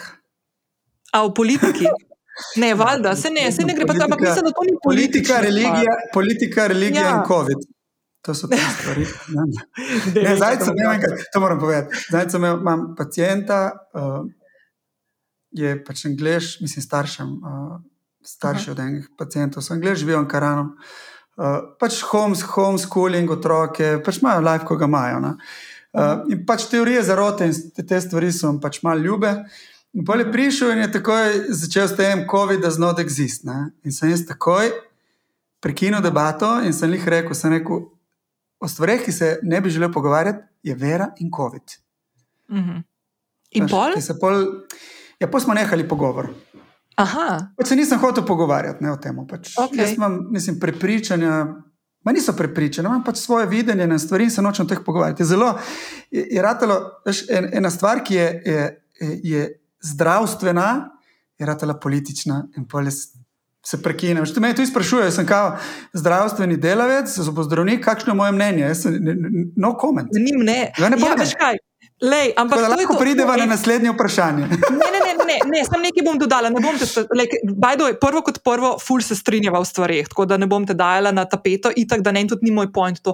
Ampak ena stvar, ki sem jo že parkrat tudi omenila tle na podkastu, je, da ljudje ne znamo ločevati to se je zdaj fully skazalo v, v, prav v tej pandemiji, da ne znamo ločevati med uh, doka znanstvenimi dokazi in, in mnenjem. Mnenje je čustvena reakcija na neko informacijo, dokaz oziroma neko znanstveno spoznanje je pa pač neka, uh, neke zadeve, ki se jih v času testira, pregleduje in valjda se lahko v času tudi izkaže, da mogoče kakšna stvar ni bila pravilna, valjda, ker znan, znanost konstantno sama sebe preverja. Ne? Tako da te stvari mi malo ne razumemo. Druga točka, ful sem vesela, da si povedal, kako meje postavljaš, ker se mi zdi to ful, ful pomembno, konc koncev, da ima vsak od nas pravico tudi povedati, kdaj se o kakšni stvari ne želi pogovarjati. Tudi če si neka oseba na nekem položaju, konkretno, naprimer, ti kot nek zdrav. Dela, človek, ki dela v zdravstvu. Še ena stvar, ki se mi zdi pa ekstra, ekstra pomembna. Za, jaz ne vem, če si ti gledal ta film Don't Look Up na Netflixu. Ne, Ampak je, ne, glej ga. Jaz, ena stvar, ki ne bi želela biti v zadnjih dveh letih, je oseba, ki dela v zdravstvu. Sam povem to. Ker, okay, raz, raz, ker obseg bolos in, in nespodobnega obnašanja, ki se odvija v družbi, ne samo naši, kolektivno gledano, globalno gledano, uh, kako se uh, eni prepucavajo z nekimi scenami, strokovnjakom, mislim, ne vem. zdaj, si, okay. zdaj si odprla eno skrinjico. Nisem. Zdaj, kar Nisem. pa jaz, ima, ti si zdaj rekla zadnje dve leti. Jaz, jaz, Aha, no, odkar sem okay. prišel iz Londona, vidim, veš pogled na. Okay. Gre, gre za to, kako uh, se ljudje, kakšen odnos imajo ljudje do zdravnikov in kakšno vrednoto se daje zdravnikom v Sloveniji. Uh -huh. v, v Angliji je, je to zel, zelo cenjen poklic, zelo cenjen poklic. Uh mhm. -huh. In jaz, ga, in jaz, jaz pa opažam, v Sloveniji, pusti, jaz se nimam za zdravnika, resnično se nimam za zdravnika. Na. Jaz sem študiral, ja, delno medicino, zdaj sem čisto v drugih vodah, nisem zdravnik. Na. Sem zelo specializiran za eno stvar, nisem zdravnik. Ampak jih zelo spoštujem, v redu. In, in že, ne vem, če se spomniš enega izraza, ne, ko je ena novinarka, zdravnike, pustimo, kakšna je bila situacija in mogoče, veš, jih je označila z dvoživkami. Ne? Pustimo, ok, prispodoba, delajo v javnem, privatnem sektorju, vseeno. Ma nekoga, veš, ki je del sistema, ki skrbi za, za najbolj, kako bi rekel, osnovno stvar, v bistvu osnovo da, za življenje, ki je naše zdravje. Mhm. -huh. Pustimo svež zrak, pa ne vem kaj še. Ampak zdravje, da ga označi z dvoživko, samo ja. zato, ker pač. Pustimo, le v vsaki branži, vsakem je kdo, ki ne dela pošteno. Ampak zdravniki bi si zaslužili več spoštovanja. Zdaj je res, zadnji dve leti v COVID-u, da, da vidiš ti, da, da, da, da se ljudje spravljajo na zdravnika, zato ker, mhm. vem, ker, ker ima svoje mnenje o tem. Zato je grozno. Zdravnik, ne, Gregor, biti... ej, Gregor, jaz, se ful, jaz se to ful strinjam s tabo. Jaz bom tako ja. dodala, da si vsak človek zasluži spoštovanje in vsak človek lahko zahteva spoštovanje, če ga tudi seveda prej od sebe daje nekomu drugemu. To je prva točka. Ja, Druga strinjam. točka, ki je, je, da te izravnalke. Gre meni malo počasno na živce, ker ti imaš ljudi v vsaki branži, v vsakem delu družbe, ki izigravajo pravila igre, vedno, Vedno to je bilo in to vedno bo, in noben zakon na tem planetu ne bo zaščitil vseh situacij in scenarijev, ki se lahko na nekem področju zgodijo. Kaj jaz pogrešam, je ena beseda, ki se strne samo v eno besedo in to velja na vseh področjih. Novinari, politika, zdravstvo, PR-ovci, podcasterji, vplivneži je odgovornost. Okay? Po domač, pardon, izrazu jebena odgovornost. Da tisto, kar narediš, stoji za tem in nosi odgovornost za besede, za dejanja, za odločitve, za delo in tako naprej. In druga točka je, da se to odgovornost nagrajuje ali pa sankcionira. In tega pač ni. In potem se naredijo in se izrodi. Uh, in to, veš, ti imaš tudi primer. Konec koncev, ne, to, da, da rečeš nekomu dvoživka, ja, pustimo, bolana scena in ne, ja. neprimerna in nespodobna. Druga stvar je, da novinarje označiš za prostitutke. In se ti ne zgodi tudi noč, a veš, ne? Gre, veš, tle vzgled, vzgled, ki ga dajo posamezni ljudje, ki, ki so javne osebe in bi mogli dajati. Zdaj sem poslušal en podcast in mi je bilo tako fascinantno. Tako je bilo, ne? Um, Ustvarimo že to kontekst. Ne? Ko, naprimer, zdaj, bom, zdaj bom zbanalizirala. Ko jaz rečem eno stvar, ki ne drži, in imam neko platformo, ki jo posluša toliko in toliko ljudi, je moja odgovornost višja od nekoga, ki to reče svojemu prijatelju na ulici. Sorry. Primer, če politik ukrade sendvič, on je privilegirana oseba, ki ima plačo, s katero lahko spodobno in ugledno živi, če ukrade in, in ima vzgled. Če ukrade sendvič, mora biti sankcioniran bolj kot, naprimer, brezdomc, ki pride v trgovino in ukrade sendvič. Sorry. Tako pač jaz gledam na te stvari. In zaradi tega jaz zelo previdno, ne da previdno zbiram besede ali pa teme, o katerih se pogovarjam, zato ker konec koncev bom tudi zafrknila, kdaj bom tudi se mogla naučiti na kakšni um, napaki, ki sem jo naredila, in tako naprej, ali pa na reakciji, valjda to, kar se zdaj ful dogaja. Jaz nisem zato, da se omejuje ljudi, kar govorijo, in tako naprej, ampak lej, nosi odgovornost za te stvari, ki jih narediš in rečeš. Pika. Strinjam. Ok, Gregor, greva zdaj na eno stvar, ki smo jo omenila večkrat in to, da si ti ortodont. Deva zdaj mogoče iti malo v to sfero še. Um, Ena stvar, ki je bila meni ful lepa in ful, ful mi je bilo lepo s tabo, ker smo se ful pogovarjali leta nazaj, ko si prišel z Jano nazaj v Slovenijo in sta odprla Orto MG, zasebno ordinacijo v postojni, ki bajdo je ful prijetno, ful je dober feeling tudi noter, tako da best, res. Ampak ena stvar, ki, je bila meni najbolj všeč, je, da si ti v bistvu svoje delo.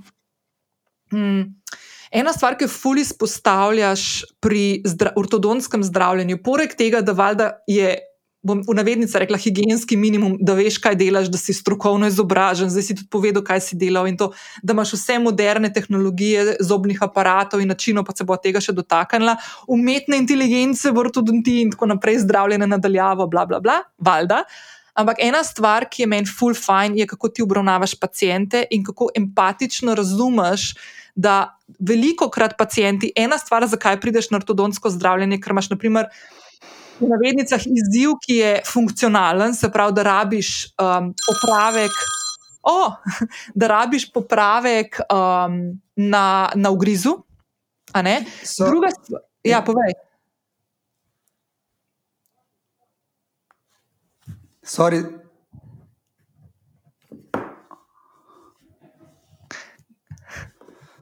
Njene oprosti. Ja. Tehnične težave. No, in ena stvar, eno, pravi, eno, da pride pacijent zaradi tega funkcionalnega razloga, se pravi, da ima na ugrizu težavo, ki mu, pa, oziroma na ugrizu težavo, ki mu nekaj povzroča, se pravi, da je fajn, da se to spremeni. Um, druga stvar, ali pa se mora, druga stvar je pa konec koncev povezana tudi s samozavestjo. Naprimer, to je razlog, zakaj sem jaz prišla k tebi. Uh, da je um, da, da znaš se ti postaviti uh, v položaj pacijenta na način, ki jaz doskrat malo pogrešam pri zdravstvenih zdravnikih. Ne pri okay. ortodontih, ker sem imela samo s tabo izkušnje, ampak naprimer, jaz, ki imam izkušnje z drugimi zdravniki, malo včasih pogrešam to, da se uživiti znajo v, uh, v pacijenta, ki se prvič srečuje z neko tako zadevo. Tako da, kaj meniš? Ja, zdaj, zdaj moj, moj pristop ne, k, rekel, k ortodontskemu zdravljenju no, je tak, da, da dejansko hočem najprej um, ugotoviti motivacijo, zakaj je pacijent sploh prišel. No. In, in zato je ponovadi prvo vprašanje, tudi otrok, ko pride 8-9 let, sicer je vprašanje celo smešno, rečem, zakaj si tu? No? Je, zakaj si tu? Zdaj, ponovadi, če rečeš ti 8-9 let, Itak, ne, zakaj me je mama pripeljala, to ni. In, in, in hočemo ugotoviti, če ga, če ga moti na smeh. Mhm. Torej, če ima to težavo z, z lastno podobo, v bistvu s podobo na smeha. Mhm. In ponovadi ta, ta, ta težava, jaz sem gotovo do 14 let, ni, pri 15 se pa začne tam. Mhm. In ponovadi je res. In, um, jaz, jaz verjamem, da uh, je, je samo zavest za, za nek primeren psihološki razvoj zelo pomembna. Uh mhm. -huh. torej, zdaj, zdaj, če je slučajno, uh, je krivec, da imaš ti nižjo samozavest, tvoj nasmeh, ne, je, je tukaj le 100 točk, zakaj ra, rabi ta pacijent aparat ali pa pomoč, da ni rečeno, da je aparat lahko soluski, lahko karkoli. Uh -huh. um, in je, je veliko takih primerov, ko prihajajo, seveda, zato da se izboljšajo videz uh, nasmeha. Ne. Um, Je pa, je pa vedno več težav tudi z, z funkcijo, samo seveda, ne? ni, ni vse uh, v estetiki. Samo jaz mislim, da ortodontija je, dela, je velik del na tem, da, da izboljšamo uh, pač nasmehe. Ne? Uh -huh. Že sem, sem spet zašel, mogoče. Jaz sem enkrat eno željo, veš, da naredim strip, vse mogoče boš to le, lahko tudi izrežeš, če se ti zdi. Ne, da, da bi imel strip, ne? Okay. Strip, uh, super junaka, ki, ki nekomu pomaga, uh, da postane sam super junak. Veš, ko en, ko, ko en uh, ni, ni, ni pač heroj v tem stripu, ampak je samo veš, uni, uh, ki, ki mu da roko, da pol iz tega majhnega fanta, rata superheroj, ki pa lahko marsikaj spremeni v svetu. Ne? In zdaj ta herojček bi bil recimo ortodont, ta, ne, ta pomočnik.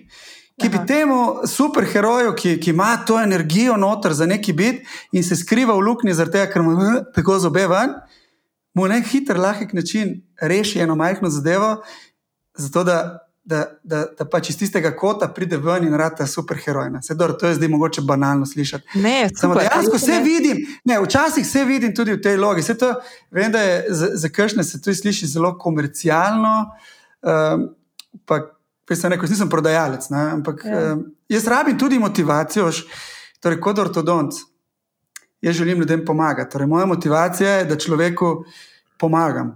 In zato ja. hočem vedeti, kaj njega moti, zato da skupaj prideva. Jaz pacijentu sicer boljše razložim, kakšne so vse težave in rečem, to in to je treba narediti. Ampak se mora biti neka, neka skupna nit na pacijentovi in moji strani, da, da vsaj en del rešujeva. Recimo, če mi rečejo, mene moti, da trojka mi šteli ven, jaz pa vidim, da ima še globoko griz, odprt griz, njega tisto ne briga. Ja. Ampak motivacija, ki jo on prenese, je to, da bom trojko popravil, zraven bom pa še druge stvari rešil. Si me razumela? Mm. Ja, jaz ja, moram ja. imeti motiv, ker če ne, nisem zadovoljen pri svojem delu. No? Mm. Okay? Eno vprašanje imam glede tega stripa. A, to, pa gremo pa nazaj na bolj pomembne stvari. A to, boš zgodbo boš ti napisal? Hvala. Ne, to ne bom. Najprej bom knjigo napisal, eh, ni, ni navejeno skriv, skrivnost, ne, ki je bila že, že znotraj tega pogovora malo razkrita. Jaz sovražim pisati. Uh mhm. -huh. zato, zato sem skoraj maturo padel. Pa mogoče zaradi tega sem tudi zdaj ortodont. Ker če, če bi tisto slovenščino pisal boljše, bi bil zdaj verjetno v zdravstvenih vodah, zdravniških vodah in bohe, kaj se bi mi pisalo in kje bi bil. No? Ampak sem šel načeloma to pot. No? Če uh, dobro, da ni, ne, ne bom napisal stripa in tudi narisal ga ne bom, zato ker uh, this is not. Uh, My part of my... Ej, ampak, si predstavljaš, da bi bil tako dober v slovenščini, da pa, ta, da pa tako fajn. Uh, A se ti ja. predstavljaš, da bi bil tako dober v slovenščini, v pisanju in v tem nastopanju, in tako, da bi bil zdaj v času COVID-a na kakšnem ministerskem položaju? A? Si predstavljaš to? ne, ne bi rad bil. Ne, ne, bi, ne, ne. ker zraven, veš kaj, je, je, uh, jaz gospoda ministra uh, poznam ne, in je full fine oseba, sva tudi um, pač skupaj nismo hodili v šolo, on je tako bil še zdravnik, pa za nekaj zelo, uh, mhm. ampak ima zelo zahtevno nalogo. Da, uh, karkoli, kakorkoli je moje mnenje, kaj dela, kakšni so ukrepi in te stvari. Kaj pa dol, da si sploh to, da je na tistem položaju v, tem, v, tem, v tej dani situaciji. Pa ne samo on, tudi vsi zdravstveni delavci, direktori zdravstvenih domov, mislim, ne, kaos. Ne, Ampak, ne, ne bi rad bil, sem vesel, ne, ne. ker sem. Exactly. Se ti pravi, da pet pogledaj ja. film Don't Look Up na Netflix, no, pa ti bo vse jasno. Ja, se bom, sem že, sli, sem že nekje nek review videl, da je hud. Ja. Ej, uh, okay, ne, devaj nazaj na to, um, dej, kaj je. Um, um, kaj so mogoče, če te jaz zdaj tako vprašam, kje so tako ključne zmote ali pa ali pa stvari, ki jih mogoče ti opaziš pri pacijentih, ki pridejo prvič k tebi, ki jih imajo o nekem ortodonskem zdravljenju, pa so tako se ful pojavljajo pogosto in so naprimer take stvari, ki se ti zdi vedno ful pomembno, da to izpostaviš. Je kakšna taka stvar, ki imamo napačno predstavo ali. Um, ja. Torej, ja. Miti, ki ne držijo, no, mogoče. Če zdaj si mi dala misliti. Sicer, jih, je, jih je kar nekaj, sem zdaj jih moram strniti. Ne. Zdaj, uh, prva mogoče je, je ta, da je um, to je tako zelo klasična, uh, je glede samega videza teh zobnih aparatov. Mhm. -huh. Prvi, ponovadi pacijent ima predstavo, ok, ortodontija, uh, zvezdice. Ja. To mislim, da je itek je že z, z, z Invisalignom in marketingom, ki ga naredil, da ta mit že razbit. Ampak še zmeraj, kajšni imajo to predstavo, da jo, če se bom pa dal, če bom pa šel skozi ortodontsko zdravljenje, sem pa obsojen na leto in pol, dve leti. Pač te, te, uh, tega pokvarjenega nasmeha. Ne. Zdaj, druga je, ta je pa še zmeraj kar prisotna, še pridejo pacijenti, ki rečejo, pa se jaz ne vem, ali sem, sem, sem še dovolj mlad ali pa recimo, če sem prestar za to. To, to je definitivno mit. Uh, in tudi mit je tudi, da obstaja ortodont za otroke, pa ortodont za odrasle. To, to, to je tudi zdaj zelo pogosto. Obstaja ortodont, specialist čeljustne zobne ortopedije, ki se ukvarja pač in z otroci, in z odraslimi. Uh, zdaj, težava pri, um, pri, mislim, ni težava, ne? ampak izziv. izziv edino je, pri odraslih je izziv, uh, pač zdravljenje mora biti. Custom made za odraslega pacijenta, ker seveda ima pač biološko eh, strukture, so že drugačne, starejše in tako naprej. Ampak to je tudi mit. Ne? Naša najstarejša pacijentka uh mhm. -huh. je bila, viš, pacijentka, pacijentov ponovadi odraz, ženske, večinoma po 65, se spet mm -hmm. odločajo, tako 70 let stara gospa, mm -hmm. ki je šla čez konkretno ortodontsko zdravljenje, full vesela. Zdaj, če me vprašaš, zakaj se dogaja, da zdaj po 50, 60 prihajajo, le, jaz sem šel enkrat na, um, sem delal psihologija me fulj zanima. Ne? In sem šel, sem se lotil enega developmental psychology tečaja, mm -hmm. ki se večino ukvarja z otroci, razvoj otrok in ta obdobja in razvoj. Ampak na koncu se uh, omenja tudi starejše. In, in pride ena, eno obdobje, zdaj ne vem, če se. Če, če Se bo, poslušalci, strinjali. Ne? Pride obdobje, ko spet nekako zaživiš. Ne? Torej, ti si uh, um, najprej si pač odraščaš, pol si v dobi največjega dela, ne, to smo zdaj mm -hmm. mi dva, ne, mm -hmm. mi. Eh, nekje do 50, otroci rastejo, in polk otroci odrastejo, si spet v nekem novem življenjskem obdobju, ko se spet osredotočaš na sebe. Zato, po mojem, imamo zdaj vedno več pacijentk uh mhm. -huh. te starosti. Torej, to je en mit, torej, da je samo za otroke. Uh mhm. -huh. Zdaj, en mit, ki se zdaj fulj pojavlja, ne, je ta invizilen, zdaj mit. To je že. Uh, trend. Ja, trend, pa tudi mit. Zdaj, mit je to, da je, je in, Invisalign je Invisalign. Če me razumeš, kako če rečem. To je Invisalign, je, uh, kamorkoli greš, je enak. Torej, komorkoli greš, je enak Invisalign. In to hočem, to hočem mogoče dobro, da razložimo, kako ta Invisalign uh, kako deluje. Torej, to ni samo vozeče vozilo. Uh mhm. -huh. Hočem prispodobati, da to ni samo vozeče vozilo. To ni, da ti greš do ortodonta, ti da Invisalign in je pač to se pelje samo. Uh mhm. -huh. Voznik, šofer je še zmeraj ortodont. In zato hočem reči, da ni Invisalign posod enak Invisalign. Je to odvisno od ordinacije do, do ortodonta, zobozdravnika, ki naredi načrt in pol se vozilo pelje. Ma tudi vozilo se pelje, ampak ga moraš ti nadzirati. Ja. Okay? Ja. To, to je ta, zdaj, če je mit, ali mogoče ljudje pa le drugače to razumejo. Sam jaz mislim, da, da je tako. Zato, ker imamo mi klice, ki pridejo in rečejo, jaz bi Invisalign. In pa sem jaz malo v dilemi, uh -huh. zato ker Invisalign jaz ne morem prodati. Invisalign se lahko proda samo zdravstvenemu delavcu, ortodontu, ki ima napravljen tečaj in mora biti ortodont, zobozdravnik. Uh mhm. -huh. Me razumeš? Torej, Invisalign ni, ni nekaj, kar lahko pacijent kupi. Ti, uh, to je tudi mogoče mit, ne? da pacijent pride po aparat. Ne, to je tako mogoče reči. Čisto. Jaz se spomnim, ko sem se jaz, ko sem res prišla k tebi za zdravljenje, sva se mi dva usedla, pogledala, kje ti, ti si meni povedal, kaj bi bilo treba narediti, ker jaz to sploh pri sebi opazila, nisem in nisem vedela. Uh, tako da to, to je ta tvoj del, ki si ga doprinesel, ki si preomenil trojka, pa pol ti vidiš še ene druge stvari.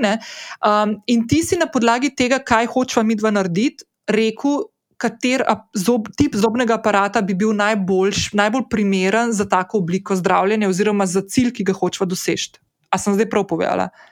Ne da, jaz, ne, da sem jaz tebi rekla, da bi imela pa Invisalign, ki se ne vidi, naprimer, ne, da bi bila, imela to fora ali pa zdaj kaj trendovsko. Čeprav zdaj to, te tračnice, sorry, pač te klasični zobni aparati, ki sem jaz odraščala, boh ne da, da si ga imel, zdaj v to full modern prmulčkih, da imajo in jim je to full fine, to mi je to čist noro. Ampak, naprimer. Um, Jaz sem si ful želela, da je ne viden, valjda, da bi bilo čim bolj tako neopazno. Ampak, če bi pa ti meni takrat rekel, Lenina, uh, za to, kar ti potrebuješ in kar hočeš mi dva narediti, bo boljše, da imaš klasičen zobni aparat. Naprimer, ja, ja. Ne, se jih to. Jaz bi rad povdaril, da je eh, ortodonsko zdravljenje, zdaj, če ga malo komercializiram, je storitev. Uh mhm. -huh. torej, če zdaj govorimo, je storitev. Je zdravljenje, ampak je storitev. -huh. torej, ne, ne moramo govoriti o aparatih. Aparat sam je, je, je nek. Uh, uh, Je samo orodje, ki ga uporabiš. Je, je v bistvu točno to. Je orodje, ki, ki mi omogoča, da jaz to zdravljenje skupaj s pacijentom, seveda, ki mora biti sodelovanje pacijenta, izvedemo. Na? In um, dejansko, zato sem hotel razložiti, kako je postopek pri nas. Torej, prvi pacijent pride, jaz um, vprašam, kakšne so težave, kaj jih moti, pa narediš pregled, narediš pač analizo stanja kaj je potrebno, pač kako bi moralo biti, in kako, pač kak, kako pridemo do tam. In pol pridejo na, vrste, na vrsto aparati. Uh mhm. -huh. In tudi pridejo želje pacijentov. Uh mhm. -huh. torej, to je tudi mogoče en takšen izziv, zato ker zdaj je. Um, Ker, ker se ta, ta dotičen aparat zelo promovira direkt pacijentu, je to za ortodonta malo izziv, zato ker vsi bi želeli to. Torej, ti, ko mhm. začneš delati načrt, Uh, pacient ti tako mora povedati, približno, okay, kako se reče, ti me ne moti, da se aparat vidi. Jaz bi želela, pač, da, da, da me ne moti, želim, da je snimljiv, da jem brez. Veš, jaz, jaz to probam vse vključiti v sam načrt zdravljenja. Mm -hmm. In zdaj, če je Invisalign opcija, vale opcija. Ma so določeni primeri, ker jaz fulo odsvetujem mm -hmm. ta aparat za enkrat. -hmm. Je, Invisalign je, je, je, je stvar v razvoju. Mhm. Vsi mislimo, da je na tržišču, ne vsi mislijo, da je na tržišču, ne vsi, večina lahko na robe razume, da je na tržišču to na, obstaja par let, zdaj ne, ima od leta 96. Mhm. Če pogledamo, kako je bilo 96, zdaj je v razvoju. To se uporablja. Um, Zdaj, ne vem, če bi šli v to smer, da razložim tudi, kako sam Invisalign postopek deluje. Na. Se uporablja umetna inteligenca pri samih simulacijah, je nek machine learning, pri samih uh, načrtovanih premikih je veliko ene digitalnega uh, ozadja in ti dobro razumeš, kar je digitalno, je tako eksponencialen razvoj. In, um, verjamem, da mogoče bo enkrat vse možno z Invisalign. Je pa težava pri samem aparatu, dotičnem, da je snemljivo. No? Zdaj, je, je lahko težava. Jaz vem, da, da marsikomu je to prednost, ki ga lahko da dol in je. Samo smo imeli tudi primere, kjer dejansko so se pacijenti po določenem času nošenja tega aparata prosili, da jim damo zvezdice. Ja, ker so imeli dovolj tega, ker moraš biti fulg. Ker so imeli dovolj. Sej, veš, to meni pol da vedeti, meni kot ja. specialistu ortodontu, ki se ukvarjam z ortodonskim zdravjem, ne z Invisalignom. Uh. -huh. okay? Invisalign je kot še enkrat je orodje. No? Mi da misli, da ne morem. Uh, lih vsakega pre, ne prepričati, no, ampak eh, ne moremo vsakega primera, vsake težave razreči s tem aparatom. Zato tudi mm -hmm. mogoče pacijent ne bo dozeten do tega. No. Ja, pri ortodonskem zdravljenju je, ja. le, pri ortodonskem zdravljenju je, je motivacija, poleg aparata je motivacija pacijenta ful pomembna. No. Mm -hmm. Tega se mogoče, veš, ta psihološki vidik, kot si rekla ti, samo zavest, da, da pacijent ve, zakaj pride, je ful pomemben. Zato za otroci je, je, je večji problem kot za odrasle. Odrasli pridete, ste si prišla zelo motivirana, jaz to mhm. hočem in polje sodelovanje top. Pri otrocih -huh. moraš pa to uh, uh, ustvariti. Uh mhm. -huh. Zdaj, če, če jaz še malo razložim, kako jaz vidim ortodonsko zdravje, jaz ga vidim kot eno pot. Z vlakom pri nas. Jaz vedno rečem pacijentom, zdaj sem začel vedno bolj pogosto, samo full rad prispodobena. Uh mhm. -huh. Jaz, ko dam aparat pacijentu, otroku, go rečem, oh, dobrodošel na našem vlaku. Uh mhm. -huh. Zato, ker dejansko si na vlaku, zato, če, imajo, če imajo te tračnice, so na vlaku. Uh mhm. -huh. In zdaj jih prosim, kljub temu, da bi se morali zavedati, da, da upoštevajo navodila, kako se obnašati na tem vlaku, da pridemo čim prej na cilj. Uh -huh. okay. In pri Invisalignu je tukaj, veš, morajo biti pacijenti zelo pod nadzorom. Ne? Eni zelo sodelujo, eni ne. Zato tudi mi, ne vem, ti, ti nisi bila. Ali ti, ti, si, ti nisi dobila dental monitoringa še? Ne, ne to bom zdaj povedala. A, ok. To bom zdaj povedala. Torej, mi smo. Ja, kaj je ti? Da bom jaz, zdaj, ker mi je to ful dobro ja. na primeru, pa uh, tudi eno gostjo sem imela že na podkastu, ki je točno to, ker sem od nje to zvedla. Ja. Okay. Um, ker je bila tvoja pacijentka. No, ampak veš kaj, eh, v bistvu mi je tako, kaj je bilo meni ful všeč. Jaz sem bila, na primer, eh, kandidatka, odlična kandidatka za Invisalign, poleg tega, tega, ker je pač omogočil to, kar sem jih dva hotela narediti. Uh, tudi zaradi tega, ker sem jaz tisto, kar se zmenjava, se držim. Tudi med drugim zato, ker sem rekla, da ne bom Gregorju prišla, pa ne nosila vmes aparata, ker bo je za nami in bla, bla, bla, in pač te notranje spone, ki jih jaz imam, ampak jaz sem bila super kandidat, ker sem ga res nosila, non-stop, razen ko sem jedla. Ne? Um, mm. In tudi danes, ko še vedno te upornice po noči nosim, kot smo se prej pogovarjali, jaz ne morem zaspati, če tega nimam na zobeh zvečer. Ne? Tako da ja, sem full. Čeprav sovražim to besedo, ampak sem ful pridna. Poslušljiv pacijentko. Druga stvar, ki pa je, kaj je bilo meni ful fascinantno pri tem zdravljenju, je to, kar si omenil umetno inteligenco. Ne vem, če si to ljudje predstavljajo, kaj to pomeni. Ampak dejansko uh, vožnja z vlakom. Na začetku, na prvi postaji, ne, uh, Gregor poskenira začetno stanje. In zelo hitro, potem, ko naredi ta načrt zdravljenja, lahko ti na računalniku vidiš, kakšen bo končni rezultat, kakšen boš prišel z tega vlaka na, na, na, na destinaciji stopni. In meni je bilo to čisto noro, ker si nisem predstavljala, kako bo to izgledalo v sami praksi. In dejansko se je potem skozi zdravljenje to. to delalo, reševalo s temi folijami, in na koncu je bilo tako, kot je bilo izris na začetku na tvojem računalniku. Ne? Ampak ena stvar, ki jo jaz nisem okusila in je potem Maruša. Kerecova, novinarka na valu 202, povedala, da ona je šla k tebi na zdravljenje in mi je razlagala, kako je ona zdaj dobila uh, za domov, da ti lahko od doma pošilja fotkice in ti spremljaš nadaljavo njeno zdravljenje. Ja, ona, ja, Maruša je prišla v takem času, ki mislim, da je bilo COVID period. Na. Ne, malo prej, ona je 2019 prš, eh, začela. Ja, ja, malih je, ja, pol je lih prišlo, ona je bila še takrat notri, ko je nastopila tistih dva meseca, ko so nas zaprli. Uh -huh. uh, ja, torej zdaj, uh, uh, da, da razložim, tako kot sem prej razlagal.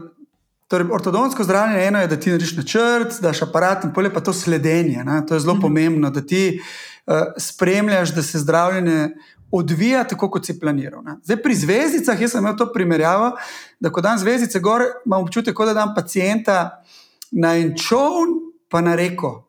Mhm. Okay? In to dejansko lepo potuje po reki, in jaz moram z, z veslom lepo usmerjati, da to slučajno ne bi se zadelo kamorkoli, da se lepo uh, odvija. Ne? Zdaj, pri Invisalignu je malo drugače, zato ker mi, uh, kot, si, kot si ti lepo razložila, že zrišemo pot, po uh mhm. -huh. kateri naj bi pacijent šel. Ampak vseeno moraš ti spremljati. Um, in, je, in je spremljanje je malo drugače kot pa z vezicami, um, ker ti samo, mislim, samo. Pač je važno, da te folije lepo stojijo na zobeh. In zaradi tega smo mi um, upeljali to aplikacijo, ki nam omogoča, da pacijenta spremljamo nadaljavo. Zdaj, kako to deluje? To deluje tako, da si mora pacijent na deset dni, ali kako ta uh, frekvenca menjave poteka, si v bistvu s telefonom vzame video. In mhm. pol računalnik, le spet umetna inteligenca zraven, to je digitalizacija, polna, ta machine learning. In v bistvu eh, sam software zloži slike v taki meri, da jih lahko mi primerjamo. Plus, da uporablja svojo naučenost, zato da uh, gleda, kje so napake in nas na to opozarja, in pol mi lahko na podlagi tega reagiramo, če so kakšne težave. Uh mhm. -huh. Zdaj, pri Maruši mislim, da je šlo vse brez težav. Tako da uh, je dejansko, smo jo nažalost videli v ordinaciji bolj poredko, kljub temu, da mogoče bi si jo želeli malo bolj pogosto, da ima pride prav, je bilo iz obeh strani. Uh, je zelo zaposlena gospa uh, in je njej tudi ustrezalo, da ni, ni tako pogosto hodila v postojno. Uh, ampak ni, ni, ni samo to, da ni treba prijeti pacijentu v ordinacijo, da je, je res, da dejansko se vključi. Um, Ta digitalni svet in računalnik v sam nadzor zdravljenja. Mhm. Okay? In zdaj, če jaz lahko to malo navežem na, na, na katero smer gre zdravstvo in mogoče mhm. ortodontija, na, ki smo že govorili o umetni inteligenci. Na, um, in, in o tem tudi, da mi zelo dajemo na, na, na to, da smo sodobni. Na. Uhum. Imamo veliko gadgetov, bi rekli, od uh, skenerjev, računalnikov, printerjev. Zdaj bomo, smo celo zaposlili tehnika, ki obvlada v nulo uh, te simulacije, računalniške in vse. Uh, Zdaj gre v smer, da boš ti človeka digitaliziral. Zdaj upam, da je to jasno. To pomeni, da boš ti vse njegove parametre spravil v računalnik. Okay? In zdaj ne govorimo samo, zdaj, zdaj, jaz se bom osredotočil na ortodontijo, ne? zato ti skeniraš. Uh mhm. -huh. Ti skeniraš, to pomeni, da, da, da, da, ninine, da imam zdaj jaz ninine zobe dejansko v računalniku. Uh mhm. -huh. Pol ti vzameš rentgen, spet digitalen, spet v računalniku in vse možne parametre daš v računalnik, zato da lahko ti v tem virtualnem svetu zdraviš pacijenta in moraš to zdravljenje pol prenesti na v fizično obliko. Realno stanje, na fizično obliko. Uh -huh. Zdaj, uh, zaenkrat smo v fazi, da, da, da, da moramo mi veliko dela narediti in se računalniki še učijo. Ja. Okay? Zdaj, pri Vizilanju je to malo boljše, že malo bolj sodobno, veliko oni naredijo. Ampak še zmeraj mora šofer, kot sem prej rekel, ortodont, mora to popraviti, ker tisto ni lih idealno še. Ne? Ampak gremo v to fazo, da bojo računalniki, pa se to se že dela na drugih področjih, pa tudi v zdravstvu delno, da je računalnik ti pomaga pri samem zdravljenju. To je point. Ni point, da jaz to zdaj na mesto na unih fizičnih modelih gledam na računalniku, mislim, na, na, ja, da gledam na računalniku, je, ampak da izkoriščam ta brain power, če se mu lahko reče brain power računalnika, zato da je moje zdravljenje bolj kvalitetno in bolj prijetno za pacijenta. Mhm. Razumeš? In zdaj bi rad tudi še en, en, en naš, naš, moj, ja, naš, naš. Uh, uh, ko bi rekel, uh, mantro, katero se držimo, je, da, da, da je pot do cilja pomembna tako kot cilj. Se, to isto velja za življenje. Torej, ni važno, da priješ ti v krsto notri, ne? je važno, da ti lepo živiš tam. Uh, in, in, in isto jaz to pre, nekako želim prenesti na, na, na samo ortodonsko zdravljenje, zato imamo tudi tako veliko ekipo, da je zdravljenje čim bolj prijetno. In to ni samo, kako, kakšen aparat nam je, ni, ni. Uh -huh ampak tudi, da, da je naš podpor na naši strani. Torej, to, to, to je pomembno. Ne?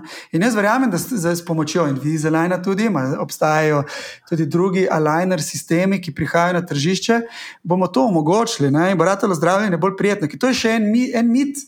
Ki je, je da, da, da ortodontsko zdravljenje da, da boli, ker to vem, da se okoli po eh, raznih blog, ne blogih, teh, kaj so forumih. že. Forumih se govori o tem, kako je bolelo. Ne, je boli, seveda, to je Gaussova krivulja. Ne imaš take, ki jih ne boli nič in prihajajo nazaj in, o, gospod doktor, mene pa ni nič bolelo, se kaj dogaja, do take, da, da jih res grozno boli. Ma večina je to znosno, to ni, to ni taka grozna bolečina. Jaz sem imel aparat, zvezdice in tudi folije sem si naredil, to je vse znosno. Mhm. Nažalost so pa tudi deli, kjer zelo boli. Ne? In zdaj, če se vseh tistih deset spravi na. Eh, forume in o tem govori, pa je lahko rata mit, da je to zelo boleče. Ja. No, jaz lahko eno stvar, eno, eno stvar povem, kar se tiče mojega, kako imam jaz tudi zdaj spomin na to svoje ortodonsko zdravljenje. Tisto, mislim, da je bilo tako eno leto, kakšen teden, mogoče več kot eno leto, da sem te folije nosila od Invisaligna. Jaz lahko povem, da sem imela v tem celotnem obdobju enkrat, ko sem jedla kosilo doma, uh, neprijeten občutek in sem imela občutek, da se mi zobje premikajo uh, in da me je malo zabolelo. Ampak to je bil enkrat za 20 minut, po mojem, v enem letu. Jaz nisem imela, naprimer, nobenega občutka. Bolečine ali pa neke neprijetnosti, pa lahko še to poveva, kar je meni fulblo zanimivo, ker ena stvar, ne, eno so zobje, kako so postavitev zobne. Uh, druga stvar je pa zdaj tako fulajčno, govorim, Gregor. Druga stvar je pa, kaj sem jaz pri meni delala, kar si ti, ki sem prej rekla, kaj si ti pri meni opazil. Da na mojem nasmehu, kar jaz sploh nisem opazila, da na mojem nasmehu bi bilo lepo popraviti, je širina nasmeha. Se pravi, sem imela oz, zelo osko uh, čeljust, uh, in ko sem se nasmejala, če zdaj probam to v nekem glasovnem mediju, kot je podcast op, op, opisati, je, da na moji desni in levi strani v ustih je bila tema. Zdaj, ko se nasmejem, se vidi ful več zob, tudi tiste zadnji, ki so se pravi, midva sva z Invisalignom in skozi ortodonsko zdravljenje širila mojo čeljust, da je moj nasmeh širši in bolj do izraza, da pride. Ne? Kar je meni čisto fascinantno, bilo, ker nisem mislila, da je to sploh možno, pa s folijami nekimi narediti. No, da, uh, in jaz, na primer, sem bila full dobr kandidat za Invisalign, ok, razen to, kar si ti pač povedal, da je primern. Aparat za tak način, za, za cilj, ki smo ga hoteli doseči od tega začetnega uh, položaja, iz katerega smo štartali pri meni, pa da sem bila jaz pač dosledna in sem res poslušala navodila, ki sem jih ti dal, in sem res aparat snela samo takrat, ko sem jedla. Uh, je tudi to, da um, meni je bilo fino, ker se ga ni opazilo. Ker mi je bila ena stvar, ki mi je bila res ful pomembna, mi je bilo tudi to, da sem čim manj, da se mi te stvari vidijo. Naprimer, pa so bi bile še druge opcije. Ne? Jaz sem takrat videla pri tebi tudi to, da imaš te aparate, ki so zvezdice, ampak so zadaj na zobeh, sprav nevidne. Ne? Uh, in en kup enih drugih stvari. Veš, kaj sem ti hotel reči, Gregor, vprašati? Um, če se nekdo naprimer, da zdaj neka poslušalka ali poslušalec, ki razmišlja o tem, da bi šla obiskati ortodonta.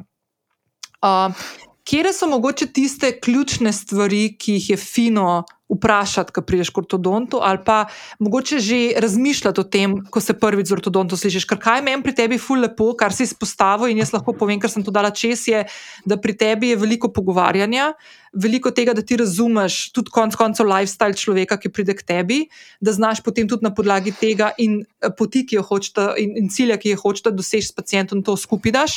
Druga stvar je to, kar si zdaj izpostavil na koncu.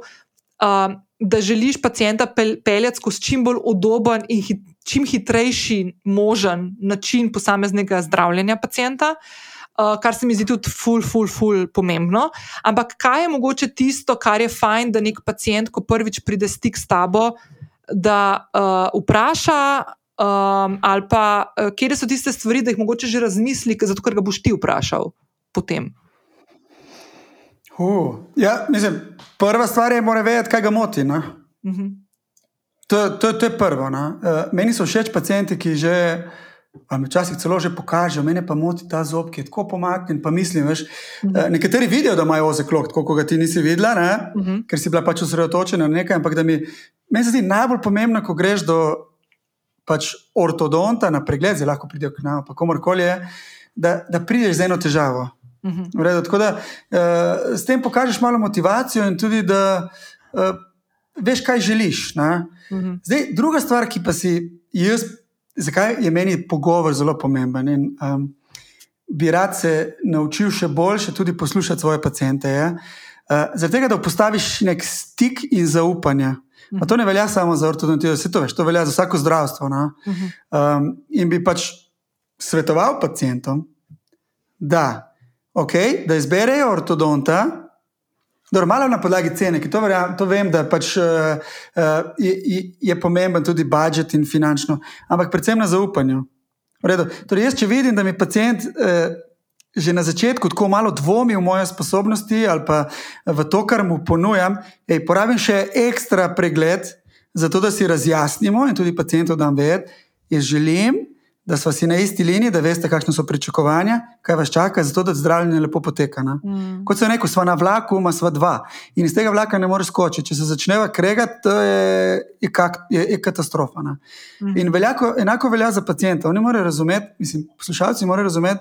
Um, Da gre za sodelovanje v tem primeru. To ni, da si greš ti plombo narediti, mhm. -huh. je tiste eno uro si tam, plomba narejena. To samo veš, to je proces. Uh mhm. Uh, tako da jaz mislim, da eno je, da morajo vedeti, kako, uh, kakšno težavo imajo, ne? Mhm. želje, torej preference. Mene nič ne moti, če mi rečejo, da hočejo Invisalign.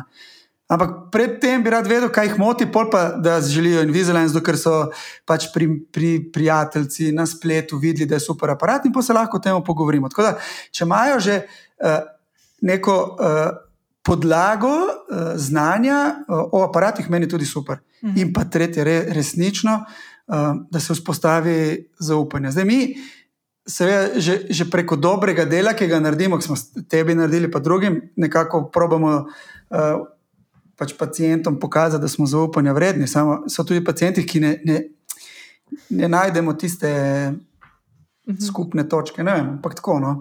Se to, se no, to si dobro izpostavlja. Je zelo pomembno, da priješ in da znaš vprašati stvari. Da ne priješ, ja, jaz imam težavo. Je, je dobro, da veš, kaj hočeš. No.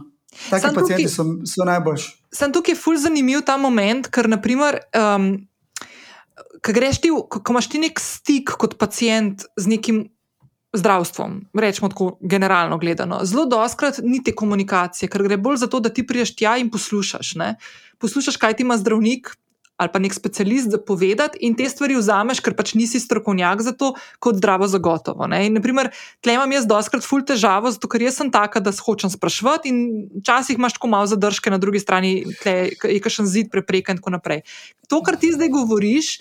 je kontra temu. Ne? Se pravi, da tukaj gre za veliko komunikacije, gre za to, da se uh, ti postaviš v, v pozicijo, ko želiš biti. Uh, Zaupanja vreden, kar pomeni, da moraš ti na tvoji strani, in to meni se zdi, da ti tako ful dobro delaš, uh, se postaviš v vlogo poslušalca, kot si rekel. Ne? Da poslušaš pacijenta in pacijent ima priliko povedati, se izraziti, uh, povedati, kaj si želi, česa si želi, pričakovanja, in ti na drugi strani mu ne samo, da mu odgovarjaš na te stvari, ampak da ga dejansko te njegove želje. Skupaj z enim milijonom enim, enih faktorjev, ki pridejo zraven pri takem zdravljenju, kot je ortodontsko zdravljenje, zapakiraš v, nek, v neko pot do tega cilja. Ne? In to se ja, mi zdi zelo pomembno. Le, se, se trudim. In, uh, imam jaz tudi ta moj self-auditing in včasih opazim, da nobody's perfect, ne vedno delamo določene težave in, in mogoče na napake se tudi učiš. Ampak res, ja, se, se trudimo. No? Ne, se to je fulfulno. Nam uspe, nam uspe. Zakaj vidim, da so pacijenti, uh, da pač sodelujejo in. Um, Tudi, tudi cela atmosfera je boljša, če se poslušaš drug drugega.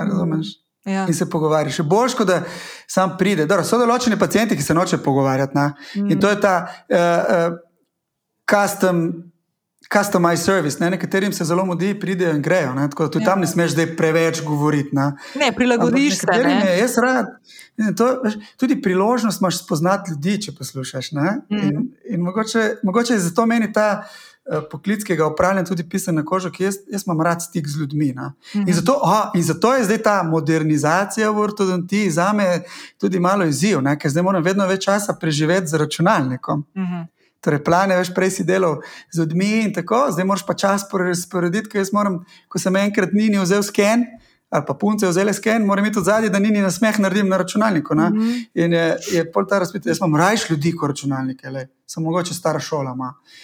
Ampak, ampak po drugi strani sem pa hočem biti up to date, tudi kar se tiče digitalizacije in vseh teh modernih stvari. To je, ja, in to pride zdaj na tvoj ta.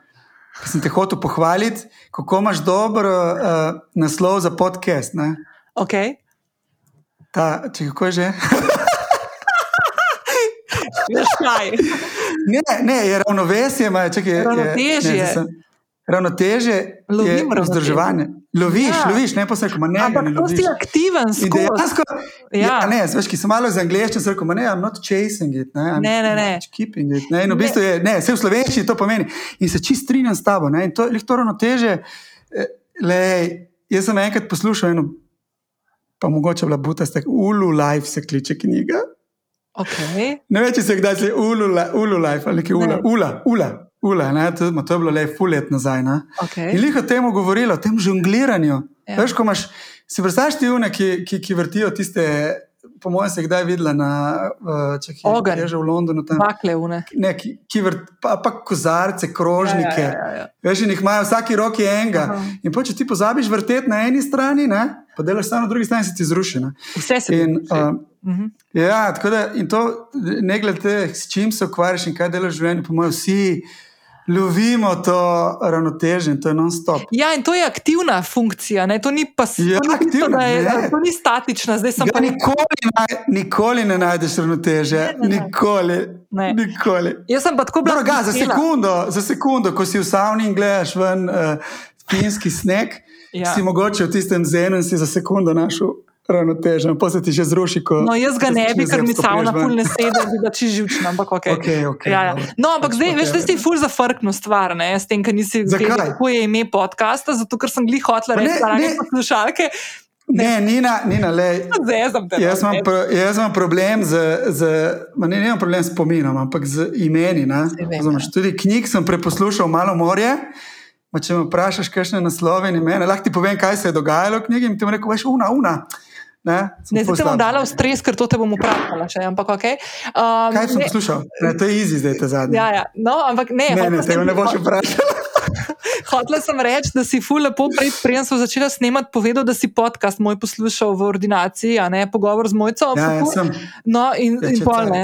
Tako da, dragi poslušalke, dragi poslušalci, če se bo kdo odločil priti k Gregorju, lahko dve muhi in en mah naredi. ne, pri nas, le tako. Sicer to sem malo zapustil, sem pa navadi pacijente vedno vprašam, kaj bi želeli poslušati. Ja, ja, vem. Zdaj si mi dala ti priblisk, lahko rečem, ni problema, to je podcast. No, evo, vidiš. Dobro, samo on, ko prije za 10 minut, tebe ne more poslušati, ker so vsi podcasti eno uro. Ampak mogoče je dobro za tisti, ki pride na montažo. A vidiš? Pa se se lahko to. Uh, Ne, to, še ne, to bom opozi. začel. No, Ja, evo, in tudi jaz poslušam, pol, se tudi jaz izobražujem. Sicer sem bolj na, so sem ti priznal, jaz podcastov bolj ne poslušam, sem bolj v knjigah, ki jih poslušam. rad. Vem, se to bo prša še do tega, ampak drugač pa tako zdaj bom Še?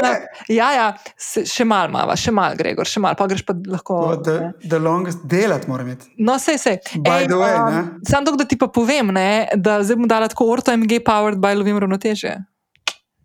Ne, zdaj sem se. Ne, čakaj, jaz, to, jaz vidim koncept. Veš? Zdaj ti, Vidiš, ne. ti moraš tudi razumeti, v ortodontiji ne, tudi Ja. lovimo ravnoteže. Vem, Torej, vse posod. Idealen koncept je, da zobje so v nekem ravnove, ravnotežju, tudi ko so krivi in vse. Uh Mhm. -huh. torej, ko mi poravnamo zobe, jih damo v nek položaj in pol upamo, da smo ulovili ravnoteže, zato damo žičke, folije in vse te stvari. Uh Mhm. -huh. Ker če nisi ulovil ravnotežja, narava te sesuje, razumeš? Mhm. -huh. Tako da um, si že vedela, kako izbrati naslov. No? Okay, Deva, če za konec, veš, kaj sem te hotela uh, vprašati, um, to vsakega gosta in gostja vprašam. Um, a imaš ti kakšen, kakšno jutranjo rutino, kako začneš dan ali pa večerno, kako koli? Imaš kakšno tako stvar, ki jo vsak dan narediš? Že par let. Oh, okay. Ja, to so navade, Power of Habits, uh. -huh. Fuldar knjiga. Mislim, da je ja. Power of Habits. Uh -huh. Ne, itak, eh, jo, jaz sem spet zašel. Ne bom. Ne, pej, Eh, pej. Imam rutino. Povej. Ne, jaz verjamem, da ljudje, mislim, človeško obnašanje je skupaj, skupek navad in tudi razvada je navada. Okay. Ne, uh, moja navada, razvada je ratala, je to, da zjutraj vstanem ob določeni uri, ni, mi ne rata ob petih, recimo, da je, da je pol šestih, tudi ob petih, daj ne. In to ni do, je dobesedna rutina in, in, Ja. in, si, in odstelovadim, od uh, strečam se, zato ker sem nažalost naš poklic in, in moj življenjski stil. Uh, je, je, sem pač Si veliko rabim poskrbljen, strečih zjutraj, če ne. Sklon. Ja, sem, Ja. in, in se pol raztegujem, jogo še ne delam, ampak to je on the to-do list, ali ne, ne bucket list, to-do list, bucket list Mhm. še daleč. Um, in, in potem pripravim kavo Mhm. za me in za Jano, in potem poslušam ponovadi med tem časom tudi knjigo. Zdaj, včasih sem bral, zdaj sem, mi je poslušanje še bolj fascinira, zato ker je tudi. Mhm. Je, je, včasih imaš kakšne zelo dobre eh, bralce. No. Tako, to je moja rutina, ki jo delam že par let. res. Mhm. Tudi, tudi če grem v London predavati, eh, zjutraj vstanem in, in, in na, na trdih tleh, brez joga meta, pač odtelovadim, odstrečam, poslušam Mhm. knjigo. Tako, to je rutina. Mhm. In to je ratela navada, razvada, tudi zato, ker jo včasih delam v nemogočih pogojih, samo zato, da naredim. No. Mm. Veš, ki, tako kot ti ne moreš brez polja spati, zdaj, ne? Ja, ja. je ratela valjda. pozitivna Mhm. razvada. Ne? Tako, to, te, to, je ta, to je moja ta deli uh, rutina. Okay. No, mi Večerne pol- pa nimam, večerne še nimam. Ok, se ne rabiš, se je konc koncev. Če Ja. ti to moš, kako ti bo sedlo ali pa ne. Uh, Dej mi povej, kakšno, ti si zdaj povedal že parkrat, da, knjige, da poslušaš audio knjige najrajš. Ne? Ja, Um, ok, kakšna fajn knjiga, ki jo priporočaš, ali pa podcast, film, serijo. Lej, lahko je zdaj v zadnjem času, lahko pa tako. ne, ena, en, en, eno knjigo sem se. Je, je, v bistvu je precej kompleksna. Je napisal uh, Nobelov nagrajenec za ekonomijo. Ne? Wow, okay. Je Thinking Fast and Slow. Ne vem, če si slišala za njo. In v bistvu, uh, zdaj, zakaj je dobro? Zato, ker zdaj smo v tej, uh, kot si prej rekla, smo v obdobju, uh, ko mnenja prevladujejo nad razumom. Ne? Pa In v bistvu uh, in nad dejstvi. Nad dejstvi ne? in, in ta gospod v tej knjigi v bistvu gre, eno je gre skozi bias, ko se reče bias, vse vrste možnih. Um, uh, teh dvojnih, uh, ja, vem. ja, Um, Ja, torej, torej, torej da si ti, veš, uh, en, en bias je ta medijski, je ta availability. Ne? Če ti oni zdaj uh, cel čas kucajo um, eno stvar, ne, boš začel misliti, da samo to obstaja in je ta availability. Zato, ker je cel cajt to se poudarja in izgubiš sliko, da so tudi druge možne razloge za, neka, za neko stvar. Ne? Mhm. Ma v glavnem, ne gre za to. Gre za, gre za gre za opis, uh, kako naši možgani dejansko delujejo. Ne? Da sta dva jaza, ne? en je ta, ki hitro razmišlja, ki ga rabiš, zato da lahko sploh komuniciraš. Uh mhm. -huh. torej, če ti nekaj rečeš, da ti jaz odgovorim, jaz ne bom zdaj to počasi razglabljal. In pa imaš pa tisti počasno razmišljanje, ki je pa bolj critical, ne? thinking. Uh mhm. -huh. pol, ne, to je za, je, je, je, je za brati in poslušati, um, ker ti pol tudi razjasni marsikatere pojave pa teorije zarod, pa zakaj se tem teorijam zelo. Uh, um, Zakaj, zakaj so tako močni? Zakaj mi imamo, veš kaj, naši možgani so leni. Ne? In jaz verjamem, da zelo radi delamo zgodbe. Se tudi jaz to delam. Jaz rad delam primerjave zgodbe, ker to najboljše razumemo. Če moraš ti nek pojav razložiti, ga razložiš skozi zgodbo. Mm. In to naši možgani najbolj dovjamejo. Ja. Uh, ampak to drugače lahko odstopa od čistega uh, evidence-based razmišljanja. In je, in je dobro za, ali za me, kot uh, bi rekel, strokovnjaka, ki se moram odločiti, kaj bom delal na podlagi nekih uh, raziskav, kot za nekoga, ki mora se dnevno odločiti in komu verjeti, recimo, že če poslušaš medije. Uh mhm. -huh. Zdaj, drugače pa to je ena. Uh, Joj, ki je še dobro. dobro Sapiens. No, evo, to sem hotel zdaj reči. Ta, ta je, to, to sem hotel reči, so te knjige. Ki ja. ti, sorry, ki te prekinjam. Jaz sem uh, od Hararija, Sapiens, zdaj, zdaj berem. Harare. Ja, zdaj ga, zdaj ga berem. Harari. Harari. No, ampak jaz ga zdaj berem, že nekaj časa, ker se ful, malo mal se mučem s časom, kdaj brati, ker mi je ful, mi je huda knjiga. Jaz sem v angleščini sicer začela že leta nazaj brati, pa sem jo pa zdaj v slovenščini vzela in mi je top knjiga. Ja. Naprimer, to je knjiga, ki razlaga. Um, človeka in, in ta, kako so zgodbe za nas pomembne, ker celotno človeštvo je temelji na zgodbah. In je, uh, in je to, kar se je zdaj omenil, full fine. In jaz bi definitivno tle priporočala to, to knjigo, da je vsak, če še ni, da to je knjiga, ki je. To pa mislim, da branijo v osnovnih šolah, pa v srednjih. Ampak tudi homo deus. Eh, homo de... To imam pa zdaj naročeno, včeraj sem si naročila. Je top. In, in to so knjige, mislim, malo je spremenilo malo, mo, moje mislim, življenje, razmišljanje. Uh mhm. -huh. In tam sem jaz tudi uh, razumel point, da moraš iti v to, pač nažalost, uh, keep up with time in v digitalizacijo in pomen teh uh mhm. -huh. stvari. Uh mhm. -huh. Ker gre v to ja. smer. Ne? Ja, pa umetna inteligenca, um, pa to. Ja. -huh. Ja, pa pol knjiga, ki mi je še spremenila, je Why We Sleep ali Power of -huh. Sleep ali nekaj takega. Jaz sem imel eno obdobje, uh, sem stajal celo ob štirih in pol in sem malo spal. In glavnem, če bi nek na svet bil, spat moramo od 7 do 8 ur, če ne smo mimo. Ne? Ja, ja. Tudi ta podcast bi bil zdaj drugačen, če bi spal samo 5 ur. Mm -hmm. To je ena. Uh, zdaj na zadnje sem bral, pa sem pa padel notri v biografije. Ne? In je bil. Oh. Um, Will, da ta je full smešen, Will Smith, ne? on je tako uh, pojava od človeka. Ne? Ampak je, kar mi je bilo full zanimivo, da se dejansko, kljub temu, da je full let res on je pač živel kot um, filmska zvezda in vse, ampak se na koncu ukvarja z istimi problemi kot vsi. Uh mhm. -huh. Z lovljenjem ravnotežja. Uh mhm. -huh. Razumeš?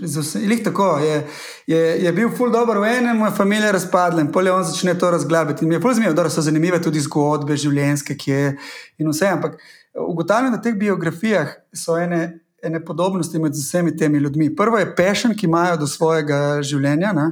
Uh, in pa res, kako na koncu vsi lovijo nek, neko ravnoteže med, med. Ja. poklicem, družino, med, uh, uh, med svojimi pač pešeni, smo probleme slovenščine. Skrepeneni, ne?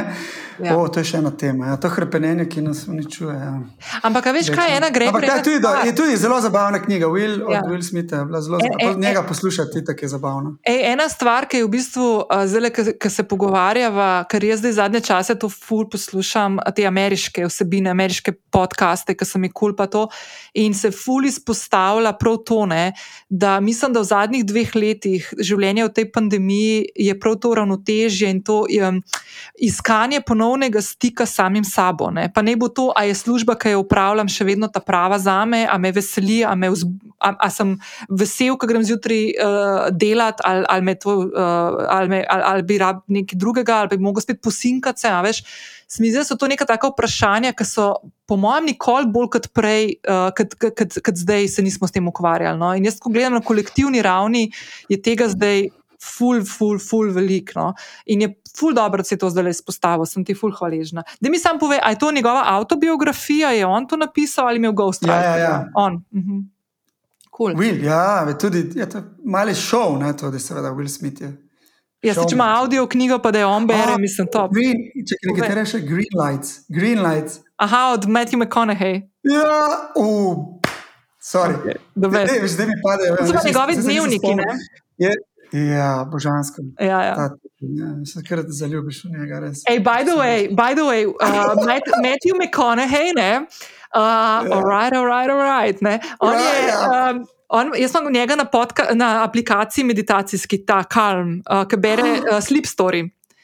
Uh, jaz sem dvakrat dala gor to v zadnjih vem, treh letih, odkar je ta njegov del tudi gor. Jaz ne morem zaspati, ker meni je on tako hud? Da jaz to ne morem pa zaspati. Brez veze. Ja, ker, ker, ja. ker neko ljubosumje se uh, začne. Ja. Ne, ne moreš, ne, ne moreš. Ampak ja, green light. Ne, ne, ja, ja, ne, ne bi imel nič proti temu, da bi imel ta njegov glas in ja, ja. expression. Sam se začneš režati, ne moreš knjige, knjige, knjige, knjige. Ej, drugače pa veš, kaj čisto za foro, ki si rekel biografije. Uh, tale um, uh, pisatelj, ki je ful se specializiral za biografije, uh, Walter Isaacson, ki je tudi, tudi Steve Jobs naredil biografijo, pa bravo, Leonardo da Vinci. On je zdaj ta zadnjo knjigo, ki jo je dal ven, uh, se kliče Codebreaker in je o teh dveh znanstvenikih, ki sta te cepivi MRNA uh, razvijala, uh, ženska pa moški sta. Uh, tudi cepiva, ja, okay. cepiva, prav, ja. MRNA cepiva. Prav, čeprav, uh, Codebreaker, poglej. Uh, ful, uh, jaz, jaz, sem, jaz sem jo naročila, čakam, da pride, ampak je ful zanimiv. In by the way, kot zanimivo, jaz sem njegov podcast poslušala, pogovor z njim. On je bil v, zdaj so ful zašla, ampak klinc. Uh, on je bil eden od testnih zajčkov za COVID cepivo, uh, med drugim. Uh, to prav ta Walter Isaacson je bil zraven in so na njemu tudi testirali stvari, ki so tam, ne vem, 2020 polet. Da, ja. in, in je še živ, ne? Katastrofa, ne? Si moš misliti. Ja, nekaj, nekaj, nekaj je šlo na robe. ja, ja, ja joki, no, joki, no, ne, vem, vem, vem, primerne, ja. ne, ne, pač ne, malo politično ne prek. Zdaj, ja. zdaj glede, glede knjig, ne, te knjige so. Um, ja. ja, se to je ne. Jaz nisem, jaz nisem, jaz, jaz, jaz sem imel eno obdobje, ko je bil šport vse, ne, jaz sem ful malo bral knjig, moram priznati. Mm -hmm. Dokler si nisem, dokler si nisem noge zlomil. Mm -hmm. in, in letel s helikopterjem, in bil dva meseca na Birglah, je, um, sem bil. Je bila ena navada, ki je ratela pretirana razvada, da je bilo vse samo športno. Uh -huh. Zdaj sem se hecal, ne, dobro, sej, vsak pride obdobje, da se najprej ukvarjaš z. Jo, upam, da to ne bo zašla s telesom, ne? zdaj se pa začneš ukvarjati z dušo. Ne, ja, ne samo to je res. To je res. Ker dejansko moraš zapolniti nekaj v sebi. Ne? Ja. Mislim, naši možgani so duša, zdaj se verjameš v dušo ali verjameš v možgane. Ne, dobro, pač, ko te stvari bereš, si nekaj, pa ne, zdaj to malo, zdaj malo to, to, ja, to sem malo zašel. No. Ne, se pravi, to je spet ravnotežje med njimi. Meni je bolje po. Ja, pa jaz nisem zdaj neki ful razgledan, kaj takega. Sam me, me napolni s čim. Vsak najde nekaj v teh knjigah. Ne? Mm -hmm. En bi pri Willu verjetno mu najbolj ostalo v spominu, kako je on uspel iz tega, da je nula za obogatiti. Meni pač ta lovljenje, mm -hmm. uh, ravnoteže mi je bilo blizu in -hmm. kako je potem iskal svoj notranji mir. Ne. Pa eno stvar ima podobno, oba ful rada govoriva. Dobro, on ma, on ma, to je pa edino, kar ima podobnega. Ne. Ampak ful govoriva in, se, in, in, in lih pol na koncu govori o tem, kako moraš včasih, se to lahko zdaj za zaključek, kako moraš včasih pač utihniti, zato da te lahko kdo tudi razume, kaj si rekel. Ne. Ja. To je danes, sem falirala na, celem, na celi črti, ker sem ti fulska kala v besedo, malo tudi zamika glasovnega, moram reči. Ampak uh, jaz sem se pri tem, ker jaz tudi ful govorim, ne si ti mene poznaš že ful časa, in tako veš, da je non-stop. Ne? In kam mi dva skupaj prideva, to ne gre tri ure, gre tri, tako je. Ampak je uh, ena druga stvar, ki je, jaz sem se pri tem podkastu, pa se še ful lovim, no, naučila to, da. Uh, je point moje, moja vloga pri tem, je, da usmerjam pogovor, ampak moram puščati prostor za človeka, uh, ki govori. In tudi včasih, veš, um, veš kje se ful dobro, da skrat to vidi, kako je to pomembno. Uh, Ker v kažem pogovoru, naprimer, uh, gost ali pa gost je neha govoriti in se neka tišina naredi. Včas, veš, in pa hočeš zapolniti to tišino. Ne? Ok, zdaj pa neka druga stvar. Ne? Uh, da včasih pustiš ta prostor. Tudi. Ker takrat človek, naprimer, to, kar si prej govoril, thinking fast and slow, takrat, ko se umiri, ne, začne razmišljati o drugih stvareh, in včasih je fajn, da pustiš, da potem kakšna stvar pove, ki mogoče ni pomislil prej na to. In se lahko razvije en ful zanimiv pogovor skozi to, ki ti puščaš prostor za človeka, da v besedi neke svoje misli. Um, tako da ja, je ful zanimivo. No? Um, Ampak še kaj za dodati, smo kaj spustila? Mah se hecaš dve uri. Ja, plan je bil, jaz sem rekel, manina. De, kaj bomo mi dva eno uro govorili, razumeš? Pol ure bomo mimo, pa veš, kako je ta. Ne, ja, ne nisem, pač nič nimam, kje več. A ja, eno sem še, ja, ne vem, kaj so te, te uh, izjave. Ti si zdaj, mislim, veš, kako je možgani delujejo. Ti nekaj rečeš, pa se meni neki, neka lučka noter uh, zbudi. No, Ti si rekel, da moraš pustiti čas, da, da možgani začnejo mogoče analizirati. Ja. Včasih tudi ni dobro. Ne? Ja, vem. In to je lik zdaj te knjige od Willa, ko je on dobil tisto audicijo za, za, za kaj princ Belera. Kaj in, in je uh, v bistvu ta. Če kdo je že bil, ki je imel audicijo z njim, veš, imena sem ful slab, ampak je rekel nekaj ful dobrega. No paralysis, through analysis. Ne?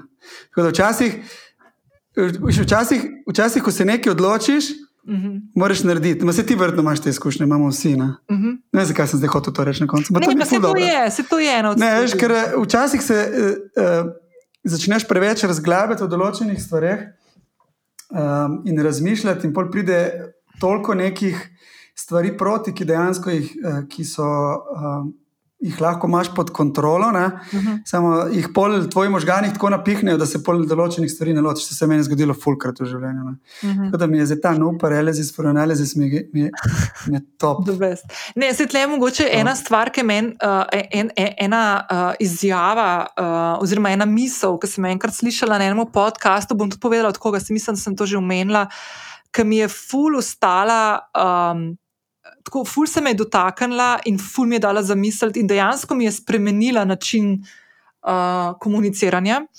Uh, je Oprah Winfrey enkrat uh, v enem intervjuju rekla: Mislim, da je to povedala Maja Angelou, nisem pa zihar, mogoče se motim, ampak Oprah je to povedala. In je rekla, da si to je ful pomembno, še posebej zdaj v času, ko živimo, ko imamo občutek, da moramo skozi bruhati neke ideje in vsako svojo misel moraš deliti na social medije, na Twitterju, vsak mu moraš povedati, kaj si kaj mu gre, ne? da ne zaslužiš vsak slišati tvoje zgodbe. Ne?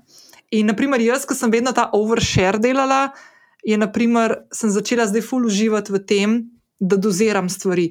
Pa ne zato, ker bi hotela se samo cenzurirati ali pa ker bi hotela nadzorovati ali pa karkoli, ampak gre za to, da ocenim, kdaj je primerno in kdaj jaz želim določene stvari povedati, kdaj jih pa hočem zase zadržati, ker so mi ful bolj čarobne. Če jih določene stvari sama sebe obdržim ali pa jih ne povem vsemu. Zdaj mi da misli, da mogoče bi lahko to zadržal zase. Ki zdaj mogoče bo izgubilo čarobnost. Ej, ne, dobro, bom, mislim, bom, bom pogledal, kdaj, ne, ne, če bom ta podcast poslušal, si bom dal ta del, si ga bom označil, da ga ne bom poslušal, da mi ne bo to čarobnost. No, povej čarobnost ukinila. Ne, ajmo da. Ja, Nimam kaj več povedati, ni na jaz smo suha usta. To je to, delam. Dobro, da sem to na koncu povedal, na začetku. ja, to je ja. odbijo. To je bil pa res tih, tih, tih. Kaj je bilo tiho? Ne, da, če bi to na začetku ja. rekel, bi bilo veliko ja. tišine veš, bi bil v, v tem podkastu. Ja, ja. ja, okay, ej, um, dej, lej, to, itak je v zapisu epizode polinkano tudi Gregorjeva uh, spletna stran ordinacija, kjer se lahko najavite ali pa greste spremljati in tako naprej, vsa ostala omrežja. Uh, tako da, ja, uh, Gregor, ful, hvala, da si, si vzel čas za tale klepet, ful, te je bilo lepo videti, dokler je kamera še delala. Uh, in ko se mal, uh, ne ureduje. In ko se mal uh, uh, zbistrijo naši časi, v katerem živimo, se bom enkrat ustavljal postojni, da gremo na en gin tonik. La, lahko tudi na kavo prideš, da ne bomo zdaj gledali alkoholsko. Ne, ker gin tonik je tako, veš, me, tako queen. Um, English. Ja, ja. Ne, ali pa na kavu. Sam da se lahko vidimo v živo, bi bilo že ful dobro. Ne? Ja, ja, itak se strinjam. Zdaj že vidim, da si moram ene dve uri vzeti za te najmanj. Najmanj. Da, da ne bom. Najmanj. najmanj Pul ti hvala, uh, bodi Nekaj. fajn, pa uh, pozdravi Jano pa doma. Bom, ostani dobro. Čau. Čau. Čau. Hvala, ker si do konca ostala z menoj. Gregor, hvala tebi še enkrat za super krasen pogovor uh, in nalezljiv smeh. Uh, prav pogrešala sem te debate najne.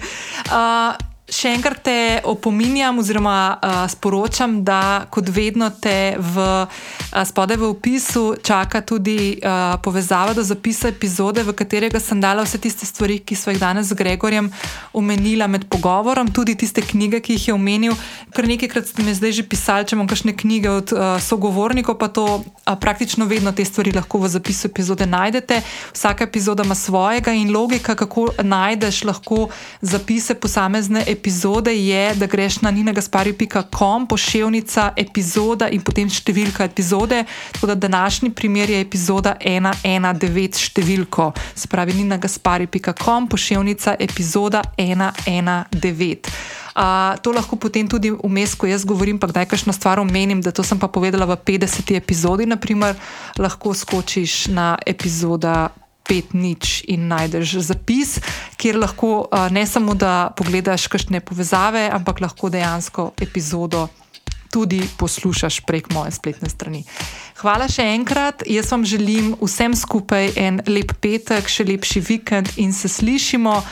Uh, mislim, da že prihodnji teden, čeprav bom zelo iskrena, da te dnevi mi tako čudno tečejo in sem v pričakovanju enega uh, posega in bolniške, tako da upam, da če se ne slišimo prihodnji teden, pa potem teden kasneje. Se bom pa potrudila, da bo tudi prihodnji teden kakšna vsebina, ki te bo že čakala v tvoji podcast knjižnici. Hvala še enkrat, lepo se majte, adijo!